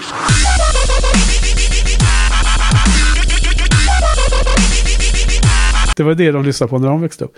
Ja, ja men vad, vad tyckte du då om detta avsnittet? Band Candy. Ganska mycket humororienterat va? ver- Verkligen. Och Snyder var ju ashärlig. När han sitter där bredvid Joyce och, och så, så, frågar henne så, här, so are you guys like boyfriend and girlfriend? Ja. Och Joyce bara himlar med ögonen så det bara, Man förstår att han är i en ålder där det liksom är lite så här spännande och fantastiskt att ha, kunna ha en flick, flickvän överhuvudtaget. Ja, Så jag, alltså, jag håller med dig om att Snyder var svinbra liksom, och, och hans motsatt Giles var också jätterolig att se. Ja. Så att jag sätter en sjua på den här. Även fast det är liksom ett komedi, det är ing- inget djup alls, men det var bara... Ja. var, man, behövde, man behöver lite andrum ibland i Buffy tror jag. Ja. Det var ett perfekt avsnitt tror jag. Eh, Det, det, det ultimata betyget för att jag tycker också att det är svinroligt och det är verkligen ett avsnitt som antagligen eh, man vill se om mer, fler gånger än många andra. Mm. Bara för att liksom ha kul. Mm. Jag satte faktiskt också sjua. Jag tycker att Därför att samtidigt så är det de allra bästa avsnitten sånt som ger kanske en större bredd av ens egna känslor. Nu var det liksom lite... Eh, eftersom det inte är så seriöst så var det liksom väldigt mycket enspåriga känslor, nämligen humorn bara. Mm. Så att jag satte sju nu och jag satte sju för tio år sedan också. Så att Mm. verkligen samma Vi var i synk, vi synk alla tre nu. Ja, du, jag tre. och ditt dåtida jag. Och i princip förra gången också, men då hade jag lite högre förr i tiden, så var det ja. Precis. Mm, men du, eh, vi går vidare va? Ja. Vi ska till eh, eh, sjunde avsnittet. Interesting lady. Can we kill her? I think the council might frown upon that. Det sjunde avsnittet i säsong tre heter Revelations och det är ett avsnitt som det händer ganska mycket saker i faktiskt. Eh, först och främst så kommer ju en ny Watcher till stan för att eh, ta hand om, alltså bli Watcher för Faith. En eh, Mm. väldigt stram brittisk kvinna som heter Gwendolyn. Även AK och Mary Poppins. I have been sent by the council for a very important reason. Faith needs a watcher. I am to act in that capacity and report back. Excuse me, Mary Poppins. You don't seem to be listening. Faith, if the council feels that you need closer observation, then uh, we will all, of course, cooperate. The council wishes me to report on the entire situation here, including you. Mmm. Academic probation's not so funny today, huh, Giles? The fact is, there is talk in the council that you have become a bit too American. Me? Him?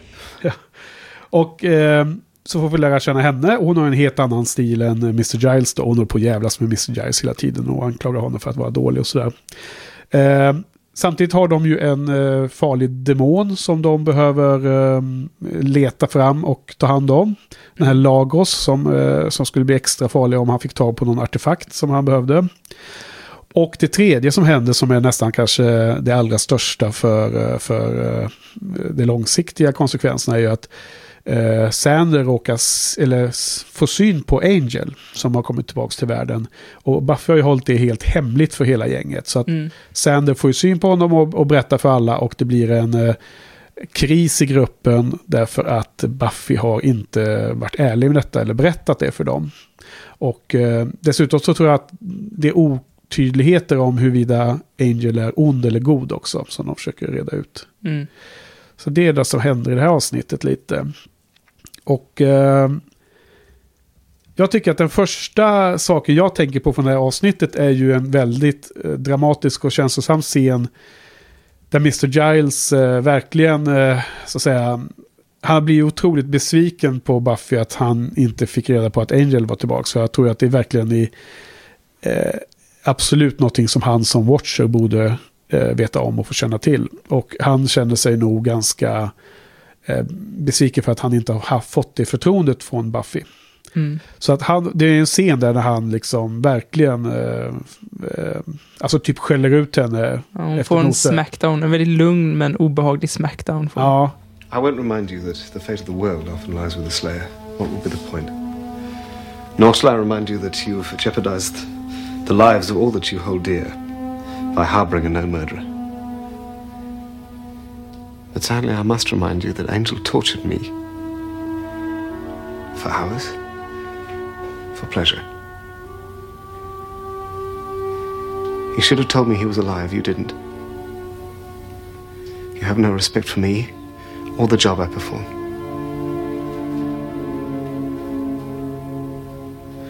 och jag tror också att den är påeldad av att den här nya watchen från England har hela tiden poängterat alla svagheter. Att han inte kan sitt jobb så väl. Så han är liksom underminerad från henne först och sen så blir det som lök på laxen att, att Buffy underminerar honom genom att inte berätta det här viktiga eh, faktumet att Angel är tillbaks. Mm. Så det där är, eh, tycker jag liksom är den scenen som har bitit sig fast mest i mitt minne då. Ja, och det håller jag också med om. För det, det är också en sån där... Det har, det, kom, det har jag sagt många gånger, och kommer säga flera gånger, att det är en sån sak som jag tänkt mycket på och pendlat fram och tillbaks mellan så här, var det här en bra scen eller en dålig scen, alltså rent, rent kvalitetsmässigt. Ja, av showen. Ja, för att å ena sidan, alltså nu känner jag att jag blandar ihop mina punkter där, men å ena sidan så, så kan jag, det här, eller först och främst, det var ju inte Angel, det var ju Angelus som torterade Mr. Giles. Ja. Men å andra sidan, så nu kommer jag till det som jag tänkte, som jag pratade om i början där, att, att Angel har ju inte tagit, även om det är en helt annan sida, alltså det är inte Angel, det är Angelus, så är det ju en, en demon inom honom, eller vad man, en metaforisk demon inom honom, som han inte tar ansvar för, utan han bara är ett jävla mähä och glider runt där. Han tar ju inget ansvar alls. Han är ju, ja, han är bara kass liksom. Så att jag tycker nog att det är berättigat att ge honom lite kritik. Och det har jag kommit på så här i efterhand. För när jag, precis när jag såg scenen med Mr. Giles så blev jag irriterad på Mr. Giles för att, vad fan, det var inte... Blev du? Ja, det, här, det var inte, det var inte Angel, det var ju Angel? Angelus ju. Det var ju Nej, jag blir jätteförvånad. Angelus som hade torterat, eh, Ja, förvisso. torterat honom. Och det var Angelus som har, har haft ihjäl Miss Calendar. Och sen... Eh, men samtidigt så är det hela den här metafor som Joss gör så jävla bra att man, om man stannar upp och liksom tänker på saker och ting så får det ett liksom mer djup och man kanske tänker annorlunda. Och jag, nu tror jag nog att jag är så här, ja men det är nog fan berättigat. Han har ju inte tagit något ansvar för den han är. Lite, Men nu, nu, eh, nu får jag känslan av att du tycker att det Mr. Giles är arg för är det faktum att Angel är tillbaks. Ja, Nej, att, att Buffy eh, liksom utsätter dem för fara, eller vad man ska ja säga. okej. Men ju- just det, det var det lite det jag menade, att han är tillbaks. Varför, varför har vi inte gjort någonting aktivt runt det? Eh, det kanske fanns ett moment av det också, men jag tyckte att jag läste in mer av det faktum att Mr. Giles kände sig eh, eh, eh, ej betrodd av, av Buffy. Oavsett om det var farligt eller inte att Angel var där, oavsett om hans eh, själ var tillbaka satt på ett bra sätt så att han, han, han inte var farlig längre. Mm. Alltså, så var det viktigaste för Mr. Giles var att Buffy hade ju prioriterat att hålla, hon ville liksom hålla en hemlis med, med Angel. Hon, ville inte, hon kunde inte gå till sin watcher och berätta det otroligt viktiga som hade hänt. Nej, och det, Jag tänkte ta upp där egentligen på den här kon, konstiga interventionen de hade. Ja, För, för där är det också den... Den glider ihop lite i den samma kri- kritik där, att det är liksom... Eh, det är väl den känslan, alltså... Det är väl egentligen hela showen som jag känner mig så här, arg på, att de liksom... Det här är ju Angelus, det är ju inte Angel. Varför, varför är, tar ingen upp det här? Varför är alla så himla arga på, på ja. honom när han liksom inte är sig själv? Men, men den här... Men jag, men jag håller med dig om att eh, man kan ju förstå, det finns flera anledningar till att man ska kunna förstå Giles. Ja. Men det gjorde jag inte då i alla fall. Nej, alltså i scenen nu så tyckte jag att jag sympatiserar med hans känslomässiga reaktion 100%. Alltså om jag hade varit en watcher och haft en, en slayer, då, då hade man ju förväntat sig att, att man var den som ett förtroende gavs till i första hand. Mm. Man hade förväntats, inte förväntat sig att man hölls utanför en så viktig information så att säga. Och jag tror att Mr. Giles var inte liksom i första hand förbannad att inte Buff hade sagt det till övriga gänget. För de, de beter sig som om det vore någon slags demokrati det här. Mm. Precis som att är man en i Scooby så får man en röst liksom. Då ska man rösta fram vad man ska göra åt saker och ting. Men så funkar ju inte ens den här världen. Så att jag tror att han tycker att han är i unik position som han är. Och han borde fått reda på det från sin Slayer. Och det, är Ja. den, det, det, den, det är det brottet hon har gjort mot honom. Ja, och det har ju faktiskt med hela avsnittets tematik att göra också. För jag ser hela den här Watcher-grejen eh, som en metafor för föräldraskap lite grann. Ja. När den här nya Watchen kommer in och liksom uppfostrar sin Slayer på på sätt. ett väldigt ja. stramt sätt. Ja. Och då känner, känner han liksom att han uppfost, Han har misslyckats, uppfostrar inom, liksom. in, inom, Ja. inom måsvingar, eller heter, in, eh, fel. Och då känner han sig som en dålig watcher, Ja. förälder och känner att han måste liksom...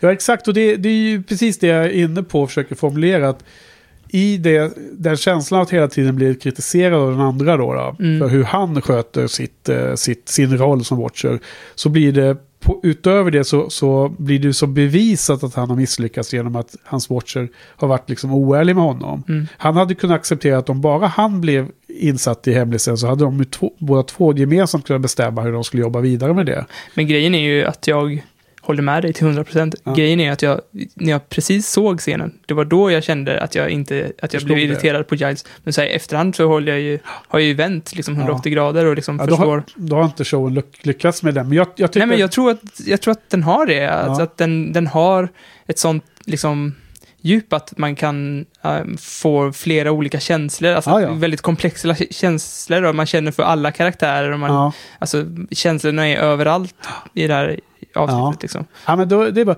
för, för att när, när, de, när väl har... Sander har ju då som en liten snitch som han är direkt berättat att Angel lever istället för att prata med Buffy om det. Mm. Så när hon dyker upp där i, i biblioteket i en scen så har alla satt sig ner och väntar in henne för att de ska då prata henne till rätta då, i den här lilla konstiga intervention som om det vore anonyma alkoholister. Mm. Vad tyckte du om den? eh, För det var den scenen som ledde upp till att eh, Mr. Giles hade det här samtalet med Buffy till slut. Vad tyckte du om den eh, scenen då? Hur, hur, hur tyckte du att gänget betedde sig? Ja, men som du sa, Sander är ju... Han är ju kass liksom. Han kan ju inte hantera situationen eh, överhuvudtaget. Han kan inte lägga...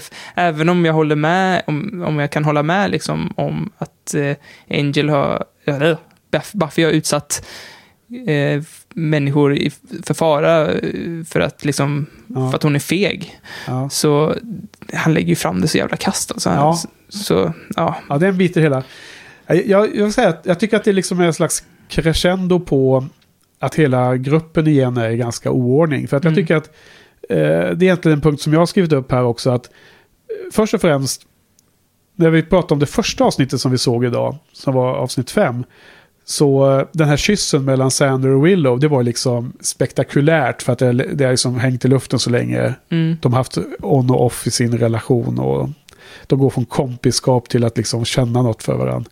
Men sen i den efterföljande avsnitten så tycker jag bara att den blir så jäkla trist och ganska eh, sur eh, minihistoria som sker här. Den röda tråden när de ska, liksom, de, de, de sitter i något avsnitt och eh, under bordet så är någon, någon som liksom eh, de tåflörtar med varandra, liksom tar foten mot smalbenet på den andra och det, det ska vara så här superromantiskt eller vad det nu är. Mm. Men jag reagerar inte på det sättet alls. Jag bara känner att jag är jäkligt trött på deras, eh, deras eh, agerande där. Så de, de tycker jag är lite, lite jobbiga vid det här läget. Ja, jag tycker det är svinjobbigt att se eh, de där två. Ja. Men samtidigt så är det så, alltså, och jag hatar ju Sander, men samtidigt så är, tycker jag att skådespelarna är så jävla, alltså det känns som att det finns en gnista mellan dem liksom. Ja, Vilket gör det ännu jobbigare liksom. Så, för att det känns som att det känns verkligen som att eh, eh, Willow är kär i både Sander och oss. Och, och jag, tycker hon, hon var ju, jag tyckte hon var så här assöt när Sander kittlade henne med en jävla fjäder. Ja. Och så glömmer hon bort sig själv och fnissar och sen bara nej, nu måste vi, nu ska vi göra, avspela oss, nu ska vi Ja, göra precis, ett spel de- så vi inte är kära längre.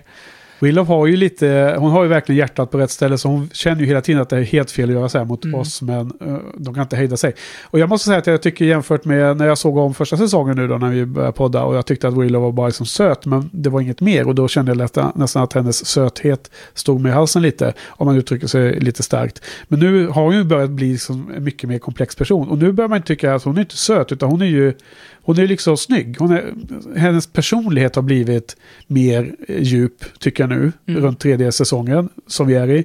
Så att då är det inte hon bara söt längre, utan då är hon liksom mycket mer fullständig som karaktär. Ja. Och därmed så är hon mer snygg istället för gullig, om man säger så. Ja, så jag eller- förstår ju att hon är lockande för, för, för Sender. Men jag tycker att hela gruppen är lite så här konstig. Jag menar, Co- Cordelia är ju... Av och till ser man att hon, hon känner väl antagligen vibben för att hon är liksom orolig skulle jag beskriva henne vid det här läget. Faith, den här nya, eh, vårt, eh, nya Slayern, hon är ju bara totalt reckless. Hon är ju eh, nipprig som attan. Och, och Buffy har ju också varit lite konstig nu i flera avsnitt. För hon har ju sprungit bort till Angel hela tiden och slitits mellan kan jag vara, ha en relation med honom eller inte. Och Scott, Hope och allt det där. Så att hela gruppen är i, i konstigt tillstånd. Den enda som är level-headed och som är, hela tiden är klockren i allt han säger och allt han gör, det är ju oss faktiskt. Som är den stora förloraren i att Willow håller på så här. Ja, men han, han får inte så mycket speltid. Jag tycker det är anmärkningsvärt att hur, hur försiktigt de, de släpper in, eller hur, ja, de släpper in de nya karaktärer. För Ja. oss har ju verkligen så här sakta, sakta fått komma in i Buffy-serien. Och nu Faith också så här, hon kom in i ett avsnitt och sen var hon typ helt borta, var bara med lite i början och slutet och sen Ja. så här, man, de tar det väldigt gradvis. Jag tror Ja, att det är smart faktiskt. Ja, och Faith blir också jättebesviken och tar det som ett tecken på att hon inte är en i gänget när hon, när hon inte blir inbjuden till det här intervention-mötet som de har med Buffy. Mm. Som också tror jag har konsekvenser för framtiden. Men vid sidan av gruppen där då, det finns ju en del drama dramatiska delar i det här avsnittet. Så det är ju den här nya Watchen då, Gwendolyn. Vad, du hade någon spaning på Watcher-yrket? Ja, för jag, jag tycker de har gjort ett bra jobb med att fördjupa hela den här Watcher Mythos-grejen. Ja. Typ att det verkar som att alla Watchers är från eh, England liksom. Och jag tänkte väldigt mycket på Kingsmen eh, när jag såg det här. Ja, ja, ja. De var väldigt så här brittiska och, och, och när, när hon kommer där så säger hon till, med, till Giles att du inte, du har, du har blivit alldeles för amerikansk. Ja. Och, Och, all, och, och alla tittar förvånat på... Ja, men Giles. säger så här, me American, och så, så, så, så säger Buffy, he American. Ja, just det. Alla amerikaner undrar, kan man vara mer brittisk än Ja. han är? Medan den brittiska kvinnan säger att han är, för lite brittisk. Ja, Ja. det var lustigt. Så, och jag gillar ju Kingsman väldigt mycket för de är ju så här, de, de är väldigt action, det är lite som en modern Bond lite grann, att de är väldigt actionfokuserade Ja. fast på ett classy sätt. Men du gör eh, kopplingen till de äldre agenterna som, som eh, tränar de yngre där då. Lite Watcher eh, Slayers. Ja, precis. Det, det känns som att de har någon liten skola. Ja, liksom. lite jämförelse med Buffy där ja. ja. Ja, nu visar det sig att det här var en Watcher Gone Rogue. Eh, hon var ju eh, utkastad ur eh, The Council och hon hade ju en egen agenda. Hon, hon skulle ju försöka sno den här artefakten som den eh, hemska demonen letade efter och försöka få egen kraft. Infinity Gauntlet. Ja, det var en eh, vante man skulle ta på sig av metall som Ja. sen, sen skulle fastna på armen för all framtid. Eh, så att hon, eh, hon var ju med bara i ett avsnitt. Eh, precis som vanligt då så var det det här att eh, hon fick ju otroliga krafter. Hon kunde liksom styra eh, blixten med sin hand. Va? Hon höll på att döda dem allihopa där ett tag. Men eh, Buffy tog ju koll på henne på typ 10 sekunder ändå. Hon kastade ju en, eh, hon kastade ju någon eh, så här, vad heter det? Kaststjärna och Ja. skar av handen på henne. Ja. Det är också lustigt för att tidigt i det här avsnittet så har ju Buffy och Faith eh, slagits mot två stycken helt vanliga vampyrer. Och det tar det är ganska lång scen innan de dödar dem. Och sen i slutet när de möter den jättestarka eh, Gwen då med, med, sitt, eh, med sina artefakt då, då, då tar det 10 sekunder. Var det hon som var, vad heter Landos? Heter det? Lagos eller vad Lagos, hette. Lagos, ja. Eh, nej, så det var det ju inte. Utan jag tror att hon, hon hoppar in och skulle nog ta en, en, liksom, en shortcut. Att, eh, att få extra krafter Okej, själv För istället. jag tyckte han, demonen var ju ändå ganska stark och så bara försvann han eller? Vänta nu, hur såg han ut nu igen? Han ser ut som en stor samurajkrigare typ. Ja, just det. Precis. Men det var ju hela den här grejen som jag pratade om på förra avsnittet. Att ofta så är det liksom att de pratar mycket om den veckans monster då. Ja. Och, och när de, i början av avsnittet, det, det, det tar mycket längre tid på att etablera varje avsnitt än Mm. att avsluta avsnitten. Av, avslutet av avsnitten är de sista två minuterna Mm. av 44 minuter. Men, men liksom i början så kan det ta långa fighter mot helt vanliga vampyrer. Och sen den här badassen i slutet, den blir som dödad mycket snabbare. Ormen där blir ju uppeldad väldigt snabbt. Och här blir det liksom chop chop och sen var den borta. Och sen Ja. var Gwendolyn också borta liksom. Ja. Jag tycker det är lite charmigt att de, Ja, att de har det så. För att jag ser inte på den här serien för att se liksom, kickboxning eller kung fu-fighting. Liksom. Nej, jag såg den här med min flickvän Linnea och hon sa att Lagos betyder typ eh, den som pratar, eller pratare, eller något sånt där. Någonting med tal hade det. Jaha. Och han, den här demonen sa ju typ ingenting. Den stönade lite. Så då tänkte jag att det var, först var ironiskt och så tänkte jag, aha, det var ju hon för att hon pratar ju väldigt bra på att prata. Alltså, ja, Men jag, det kanske- alltså, jag kanske har missuppfattat det. det, det Ja. får man, du får kolla på Reddit där igen. Eller? ja, men eh, å andra sidan så, som sagt, det, det, det var inte det som avsnittet Ja. handlade Det, det var ju två minuter av Ja. avsnittet. Nej, men ett tag så kunde man tänka sig att, att, att, hon, att Gwen var Lagos själv. Ju, Mm. kunde man tro ett tag. När man förstod att hon var ond. För hon hade ju eh, Ja, klubbat precis. ner. Hon klubbade ju ner uh, Mr. Giles. Så förstår man. Det här var inte alls någon bra person. Nej. Och då, då kunde man tro att hon var Lagos och att, att hon hade bara lurats att hon var en Watcher. Men, och andra, men det, så var det ju inte heller för att Lagos dök ju upp Ja. och, och dessutom och sen Och så var hon ju en watcher som hade ja, som gått hade rogue. blivit utkickad. Som Ja. har gone rogue. Så nu har vi rogue. fastsatt det. Det är Ja. perfekt. Gwendolyn Post, not a watcher. Yes, she was. She was uh, kicked out by the council a couple of years ago for misuses of dark power. Och vi har redan nämnt då att vi tycker att Sander var... Jag tyckte att det var otroligt störande vid sidan av att han stod och skrek och skällde ut Buffy på den här intervention så var han ju... Gjorde han ju fler o... Eh, lojala saker. Han, han, han i princip stagear ju att de skulle ha ihjäl Angel utan Buffys eh, vetskap. Så han och... Han, han, han eh, vad heter det? Bussar ju Faith på Angel. Och eh, Angel är ju då lite svag efter sina hundratals år i helvetet. Så att han var ju en enkel match för, för henne då som Slayer. Mm. Och eh, precis när hon skulle eh, ta ihjäl honom och göra honom till dust så kom ju Buffy och räddade upp situationen. Men eh, jag vet inte, var, det- var det lite spännande där ändå? Jag tyckte att det, var, det fanns Ja. en viss eh, nerv i de här scenerna när Sander med sitt illvilliga utseende. Man ser ju att han är liksom... Han är inte den här spralliga goofy Sander utan han, han blir ju liksom superfokuserad och jäkligt eh, taggad på att nu ska han äntligen få eh, bli av med sin nemesis liksom. Mm. Tala om att vara långsynt liksom. Ja, verkligen. Så, ja. Ja. Men... eh, ja, jag vet inte. eh, Den fighten bland, mellan Faith och Buffy var ju väldigt väl koreograferad. Som liksom Ja, de började slåss. blev som en resultat av den. Ja, när hon kom in och räddade Angel så, så, så flög eh, Faith på henne istället ja. Mm. Men det höll på ganska länge. De var ganska jämlika, var de inte det? Jo, För sen så blir de ju anfallna av Lagos eller väl vem är det som dyker upp. Eh, nå- någonting händer så de slutar sin fight. Det är ingen som vinner va? Eller hur? nej. Man får ju inte se någon vinna men man, man antar väl att Buffy borde ha vunnit. Ja, det vet jag inte. Vad tyckte du om det här då? Alltså, jag för mig jag tyckte det var ganska bra. Men det Ja. känns som att vi har, vi har dissat. Men det är väl, alltså det, det väcker ju så mycket känslor allt där. Och speciellt, eller så, någonting som jag stör mig på lite grann. Som de, de har ju liksom inte tagit upp eh, Angel, att han har liksom varit, jag vet inte hur länge han har varit i helvetet. Nej. De, de har inte riktigt berört De har inte berört det ännu. Nej. Nej, det kanske kommer. Jag vet inte, kommer inte ihåg men jag utgår från det. Och du frågade ju till och med mig förut, så här, hur kom han tillbaks? Och jag så här, Det har vi inte fått svar på. nej, ingen aning. Det var ju som i Terminator-filmen kanske de Ja. säger.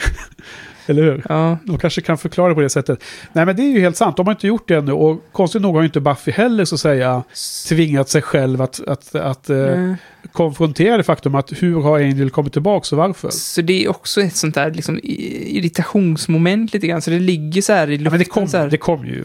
Vi ska ju lugna oss. Det, det måste komma. Jo, men alltså jag tycker, alltså, alltså det- är ju helt... Han dog ju liksom. Vad fan. Det har ju gått, vad är det, sju avsnitt nu Ja. sen han dog. Och Ja. det är liksom ingen som har ställt frågan, vad, vad, vad gör du här? Ja. Nej, håller helt med. Och det är väl också därför som gruppen reagerar som de gör. Mm. De eh, ser väl det här som ett jättestort eh, svek av Buffy. Så att man får ju se båda sidor. Och Mm. eh, det är som du säger, det finns bra mycket komplexa känslor som flyger omkring här inne. Men eh, du har inte hittat på något betyg eller? Jo, en femma har jag satt. Okej, så det var eh, lägre än vad jag fick en känsla av när du pratade. Ja, jag vet inte, jag kanske ändrar det. Nej, okej. Jag, jag har satt samma... Eh, alltså nu, nu när jag sätter nya betyg, då har jag inte tittat vad jag skrev förra gången. Jag skriver ett mitt betyg först efter jag sett avsnittet. Och sen Ja. så går jag in och dubbelkollar i eh, forumtråden för att se, liksom verifiera mot hur jag tyckte då. Och ibland så tycker jag helt olika, men eh, nu då ganska många gånger så tycker jag lika. För jag har satt 6 av 10 på båda gångerna. Och det är ju ett bra betyg. Det är så bra avsnitt. Jag tycker att det finns jättemycket in- innehåll. Mm. Mycket som tar handling framåt. Men jag tycker att, att eh, för att komma högre upp i betyg så behövs det vara eh, mer känslomässigt berörande för mig. På ett eller annat sätt. Ja, fan, jag kanske skulle öka min... Jag vet inte. Eh, Jag får bestämma mig innan vi lägger upp avsnitt. Du får fundera på det då. Okej, eh, tiden går som vanligt. Vi har ett avsnitt kvar och det ska vi eh, prata om nu. Yeah. You're one to talk. Meaning? The last time I looked in on you two, you were fighting to the death. Now you're back making googly eyes at each other like nothing happened. Makes me want to heave. I don't know what you're talking about. Oh, yeah, you're just friends. That's right. You're not friends. You'll never be friends. You'll be in love till it kills you both. You'll fight, and you'll shag, and you'll hate each other till it makes you quiver, but you'll never be friends. Love isn't brains, children. It's blood. Blood screaming inside you to work its will. I may be love's bitch, but at least I'm man enough to admit it. Eh, avsnitt 8 heter Lovers Walk. Eh, I det här avsnittet gör Spike en jävla entré. Den är väldigt lik hans första entré. Han bara stormar in i avsnittet, men i det här avsnittet har det skett, skett viss karaktärsutveckling, både från det vi har sett och, fr- och från att vi lämnar honom till att vi ser honom igen har också skett karaktärsutveckling. Så att det, det är lika cool entré, men lite mer tragiskt kanske. Själva entrén där. Eh, går vidare till nästa scen där oss och Cordy, inte in, i olika scener då, men är väldigt gulliga mot sina respektive. Och det båda ju inte gott. Nej. alltså, Willow får en eh, liten pesshäxa av eh, oss som hon blir jätteglad över Ja. och får extra dåligt samvete för att hon håller på med Sander. Och eh, Sander ser att eh, Cordy har satt upp en bild på honom på sin, i sitt skåp. Liksom. Ja, på insidan av Ja. eh, skåpdörren. Ja. Precis, så att... Ja, Han, han smälter ju helt att det finns en tjej som har bilder på honom ja. i sitt skåp. Och eh, det här gör att Willow eh, får lite panik och börjar så här, hålla på att speeda upp sina häxkonster lite och försöka göra en de, de love. Vad är det hon säger? Hon säger... Är Love Potion, eller? Is that a spell book? No, no, no. Chemistry book. Wait a minute. This is love spell stuff. You doing a love spell? No, of course not. This is a purely scientific delusting spell. en omvänd kärlekspotion liksom. Ja, för att de inte att de ska sluta eh, vara kära i varandra. Och det här får då Spikes syn på att hon håller på med love potions och han som är väldigt kärlekskrank, han eh, går runt och super och grejer. Han eh, tillfångatar både Willow och Sander för att eh, tvinga Willow att göra en love potion, potion åt honom. Hela avsnittet slutar med att eh, de hittar Willow och Sander hånglandes och hela den här eh, relationsdramat Hem, hemliga romansen mellan Willow Ja. och Sander blir känd för resten av gänget. Inklusive deras pojk och flickvänner. Mm. Ja, det- här är ju ett eh, otroligt bra avsnitt. Mm. Det här är ju ett eh, av eh, all time high avsnitten. Eh, I allra högsta grad av det, vi, av det vi har sett. Så att alla, alla förhållandena fuckas ju upp i det här. Eh, om jag flickar in lite nu. Ja, Du var klar? ja, och det kändes typ skönt tycker jag Ja. nästan. Så först och främst har ju Drusilla dumpat eh, eh, Spike. Så Mm. där är ju förhållandet slut och det är därför han är så förtvivlad. Eh, men han är ju otroligt rolig i hela sitt eh, maner och allt vad han gör. Liksom. Han är ju berusad hela tiden och han är helt galen. Han är underbar i det här avsnittet. Och sen avslutas det med att Lemma Cordy dumpar ju Sander när hon såg att han var otrogen. Eh, Oss dumpar ju Willow när han såg att hon var otrogen. Och eh, hur är det nu? Buffy inser ju till slut det orimliga i att vara med Angel. Och hon inser att hon kan inte få honom, eh, så, alltså var, ha kärlek med honom. Hon kan inte heller bara vara kompis med honom. Va? Ja. Så att det slutar ju lite i moll när det gäller eh, kärleksrelationerna. Ja, och med tanke på det jag sa innan så är det, har- tar väl Angel lite ansvar. att han, han säger ju till, eh, lite mystiskt säger han till, om så här, om jag nu är din kompis så skulle jag väl kanske säga till dig då att du kanske inte borde stanna i Sunnydale. Så det Ja. var ju typ som att han sa till henne att gå, men Ja. väldigt, väldigt eh, motvilligt så säger han det till henne. Ja, men du hade väl fångat upp ett... eh, Spike hade väl sagt någon lustig kommentar. Eller hon, han, hade väl, han hade väl liksom varit den som egentligen öppnade ögonen för Buffy. Ja, precis. Spike såg ju igenom det där på en gång, så ni kan, ni kan liksom försöka dölja det där hur mycket ni vill, men... Hey. was wondering when you were coming. I'm not coming back.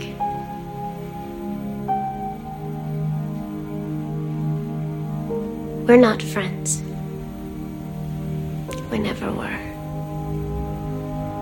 And I can fool Giles. I can fool my friends. But I can't fool myself. Or Spike for some reason. What I want from you, I can never have.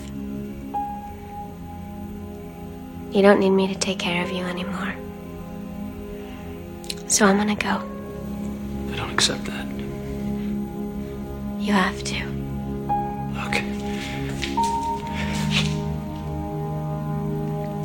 Gotta be some way we can still see each other. There is. Tell me that you don't love me.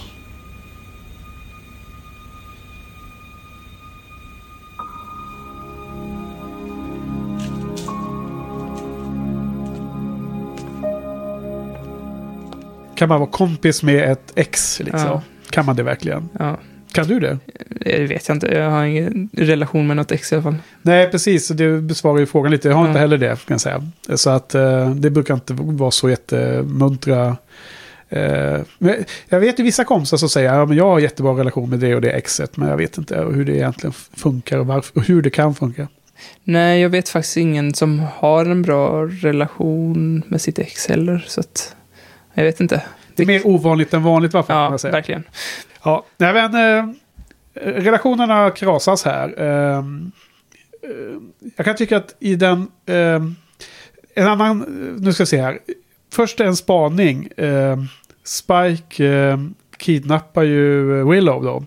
Sen får han med sig Sander på köpet. Men det är Willow som han försöker pressa på att eh, eh, göra den här Love Potion som man ska använda. Spike vill använda den Love Potion på Drusilla. Den, hela den scenen är väldigt, eller hela den händelsekedjan är väldigt lik eh, sista avsnittet av Firefly. Mhm. Objects in Space.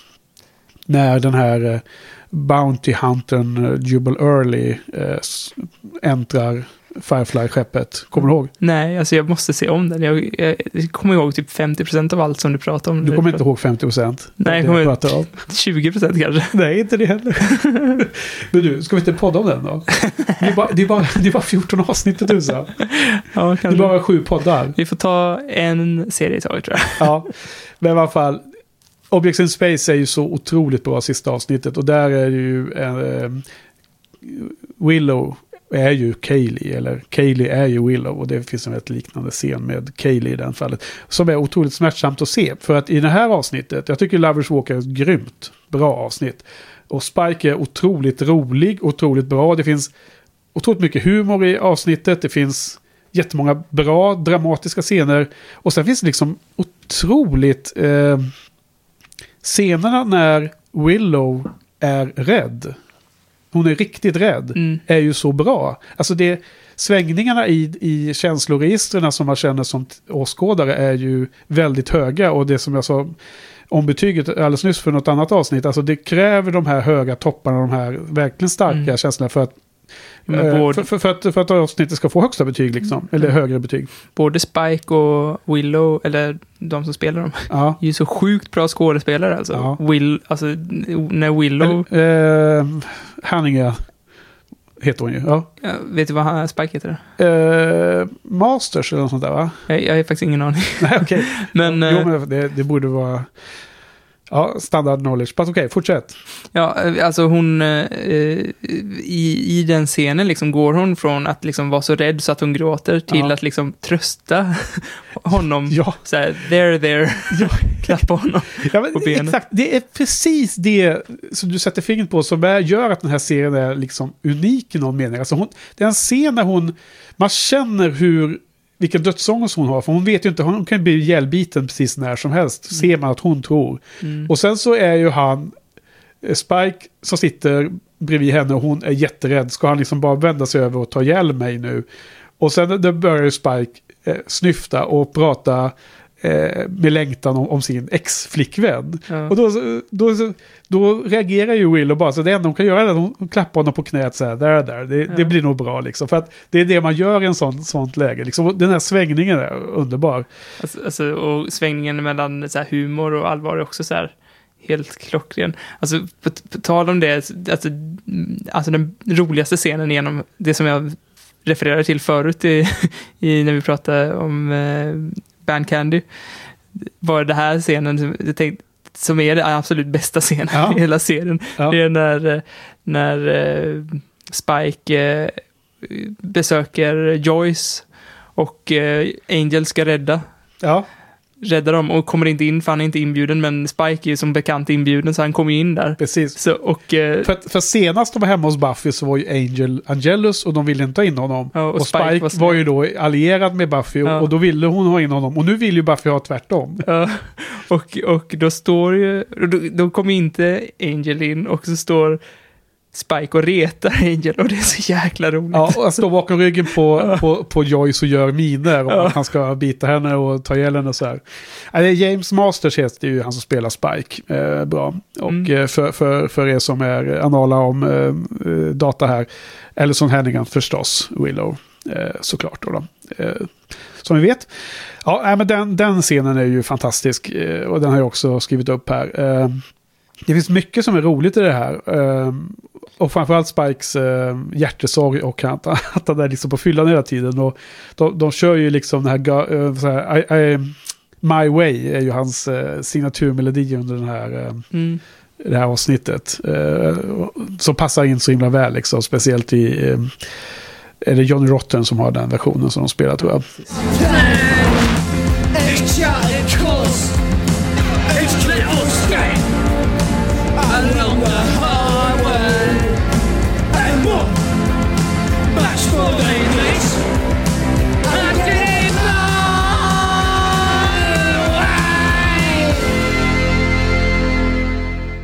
Jag tycker en annan scen som jag tycker var kul att eh, både Buffy och eh, Angel förstår ju i allra högsta grad att Spike är farlig. Jag menar, han är ju, han är ju ond som attan.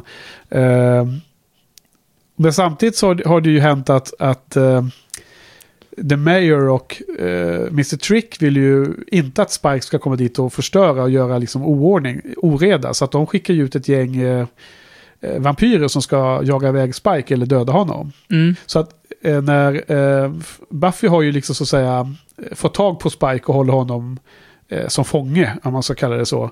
Och då blir de ju anfallna av de här vampyrerna som på jakt efter Spike. Som är ute på stan som ett jäkla posse som är ute och letar efter Spike för att ta, ta itu med honom. Så att, för att då måste Buffy rädda Spike för att Spike är ju den som vet var han har gömt Willow och eh, Sander. Och, och, och Buffy måste ju få reda på det för att kunna rädda sina kompisar. Så att hon och Angel måste ju alliera sig med Spike, eh, fightas mot den här mycket större gruppen av, av andra vampyrer. Och det är, jag tycker det är en kul switch mitt under avsnittet när de, de går från att vara värsta fiender till att vara allierade och de fightas och de flyr dit och sen eh, Spike när han är hemma hos Joyce och hela den där dynamiken med Angel och sen när Buffy kommer in och bjuder in Angel och, och Joyce blir helt galen för att senast hon såg Angel var han ju värsta assholet liksom och Mm. Angelus. Ja, det, de, de får ju till det, alla de här relationerna.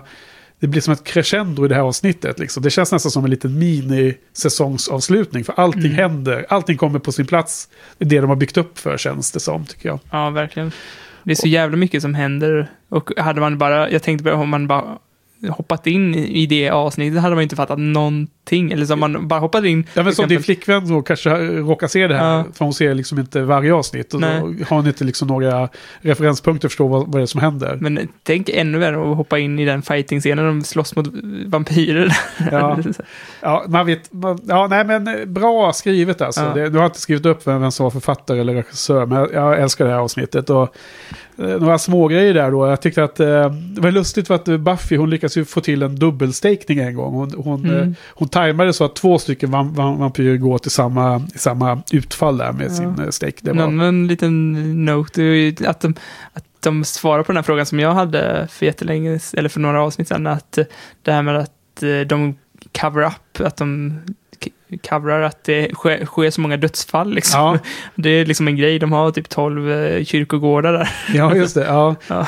Eh, det finns många olika ställen. Så, så ja. när, när The Major hade snackat lite här så fick det lite förklaring där med att, att det sker så mycket mystiska dödsfall.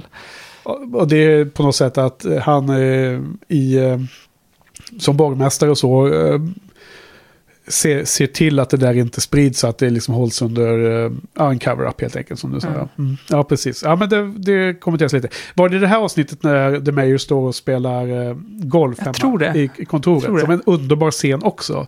Jag bara liksom njöt när jag såg den nu. Alltså, Okej, det, det är inget spektakulärt. Jag vet inte riktigt egentligen varför den är bra, men jag bara tyckte att det är så otroligt lustigt spelad och, så, så bra dialog. Och han, han är, ja, nj- njutning att se det här. När han sätter den sista bollen där, yes! Ja, ja. Så helt underreaktion, eller ja. ja. En skruv lös. Ja. Nej, så eh, alla lovers walked away. Lovers walk. Eh, ingenting var kvar. Jag menar, en kort resumé på liksom Cordy och Sander. Jag, jag kände väl aldrig riktigt att de var... Och nu pratar jag inte för att jag har sett hela serien. utan Nu, nu känner jag lite här och nu Mm. åsikter som det, det som har byggts upp fram till nu. Jag kände att de har ju liksom alltid varit ett förhållande som jag inte trodde på. Mm. Jag tror att du, du satte fingret på det på förra podden. Du pratade om att de var liksom mer ett hor- hormon... De var mer hormonstyrda liksom. Ja. Måste ta lite vatten här. Speciellt Särny, liksom. Han, han eh, blir ju kär i allt som Ja. rör sig, liksom. Precis. Ehm, och Buffy och Angel fattar mig också inte riktigt kan funka riktigt eftersom Angel blir ond så fort de har sex liksom. och eh, Willow och Oz var ju det förhållandet som man, som man känner för, som Ja. smärtar tycker jag. Sen så när de då eh, blir räddade, också ganska lustig att eh, det, det är ingen stor eh, big deal av hur de hittar Willow och Sander utan de åker i en, åker i en, bil och helt plötsligt så känner Buffy, nej sorry, eh, oss känner doften av Willow. Så han har ju liksom bett, förhöjd eh, luktsinne ju. Mm. Så de, åker ju, de eh, bryter sig bara in i den här factoryn och eh, hittar ju de där, eh, Willow och, Sander där inne. Och då, precis när de då har omfamnats och kysses då, som du berättade i synopsisen. Och det är ju sista scenen i avsnittet, eller princip i, sl- precis i slutet. Och eh, Cordelia blir ju så förgrymmad över det hon ser. Så hon springer upp och lyckas rasa igenom trappan och ramla rakt ner på en hel våning ner i den här gamla fabriken som är övergiven. Och blir ju spetsad av ett eh, sån här armeringsjärn rakt genom buken. Mm. Eh, alltså jag tyckte det var lite, det var ju till och med chockerande den här gången. Ja, ja, jag var helt övertygad om att de gjorde ju en fuling där och visade en begravning direkt. Ja, så, så klipper de till en begravning ja. Ja, och jag, jag var ju helt övertygad om att hon var död. Ja, hon är borta. Och sen så tro, tro, trodde jag att det skulle bli... Jag tänkte, borde inte jag bli arg nu för att de lurade mig? Men jag, ty, jag bara blev lättad att hon inte var död. Ja, precis. Men han du liksom undrar då varför, what's the big deal med Cordelia liksom? Nej. Skulle hon dö redan? Ja. Nej. Eller att hon överlevde. Nej, men att hon dog. Tyckte att det... Såg du igenom luret för att du förväntade dig att det skulle finnas mer om henne eller?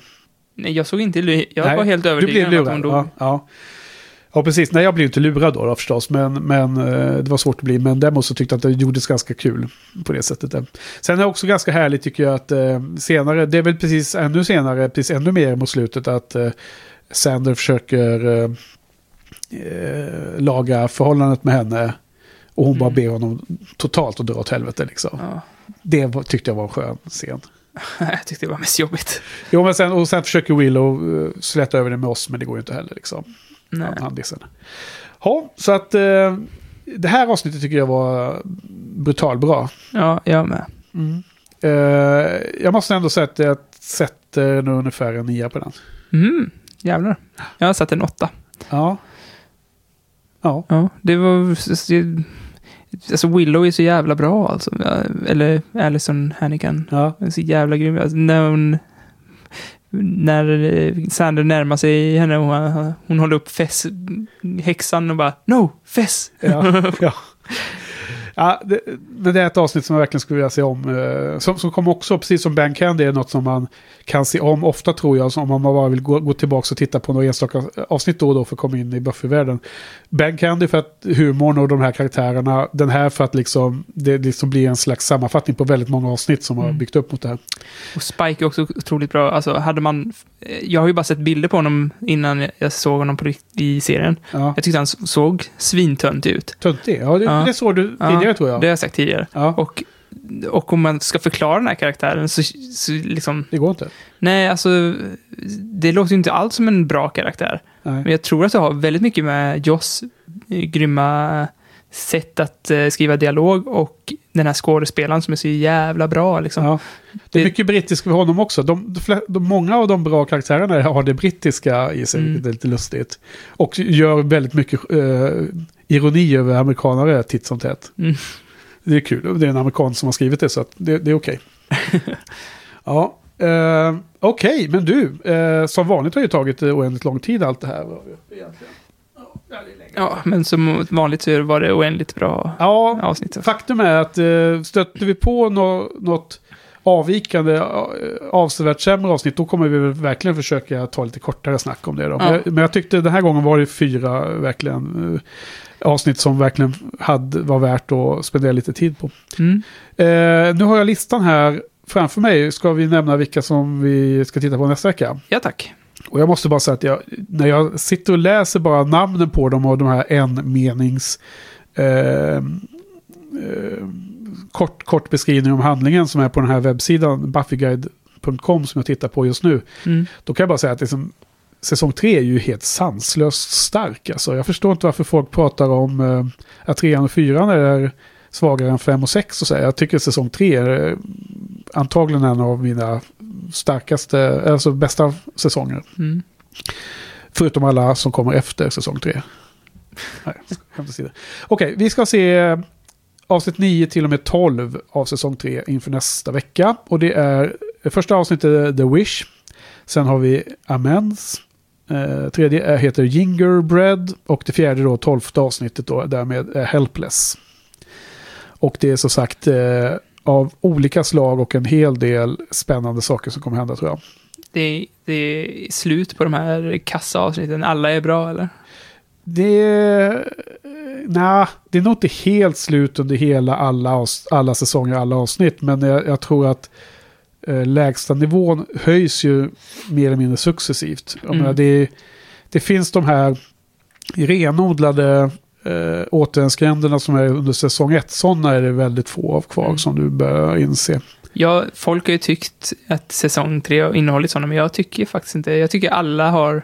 Jag har hämtat något både djupt och ytligt från alla avsnitt i säsong 10. Tre hittills. Alltså det finns ju fler avsnitt som är liksom där allting blir ställt på sitt huvud och blir konstigt och som kanske inte har någon långsiktig konsekvens efter avsnittet men de, de har sina värden. alltså typ Band Candy. Ja, precis. Det är sant. Det är nog sådana som folk kan liksom beskriva som eh, avstickande avsnitt. Men är de så roliga och så bygger så mycket på karaktärshumor som Ben Candy gjorde så är det ju liksom värde ändå för hela serien. Jag tycker det är så roligt att, att ofta är de idéerna som låter sämst på pappret är oftast bäst liksom utfört. Och Ja. tvärtom, de som idéerna som låter som väldigt intressanta Ja. är ofta väldigt illa utförda sen. Så, s- och man ska inte lita på liksom beskrivningarna av avsnitten. Ja. Nej, alltså de blir bättre och bättre på karaktärsdriven humor och eh, dramatisk utveckling som bygger på att man vänder på perspektiv och lurar åskådarna från de förväntade utfallen till att bli något som överraskar en. Mm. Det är väl liksom känslan att bli överraskad och ändå ha en känsla av att eh, de som skriver avsnitten har koll på vad de gör. Det är väl det som, som är en del av att man känner att det är så bra då. Mm. Ja, Ja, okej då. Men du, vi kanske börjar närma oss att vara klara för idag. Vad, vad säger du? Ja gå, in, gå in och ge oss en kommentar så blir vi glada. Ja, Jag fick ett litet kapitelfail. Alltså, jag upptäckte att eh, jag har ju kapitel... Jag, vi har ju satt kapitel på dem. ja. Från med förra poddavsnittet. Ja, Ja. men man, alltså för att de flesta poddspelare verkar ju vilja att man bäddar in det i själva mp3-filen. Jag har ju bara lagt en extern, alltså att det ligger i XML-filen. Ja, ja. Nu blev det lite nördigt, men det är de- definierat där, liksom utanför mp3-filen. Så att eh, Det funkar inte när de det funkar inspelar där. inte, även om man har en app som klarar av kapitel. Så jag, jag får kanske kika på det också. Okej, då får vi fortsätta utveckla det. det Ja. Vi får lämna det till vår IT-avdelning. Ja, Ja. de får ta hand om det. Ja, precis. Några tyskar som hjälper oss. Men lämna kommentarer och uh, följ upp diskussionerna på buffypodden.se. Mm. Det är eh, hjärtligt välkommet. Jättekul. Är du redo? Jag är redo. Tack Johan. Tack Wenche. Tack Jas. Tack, Tack för för oss. oss.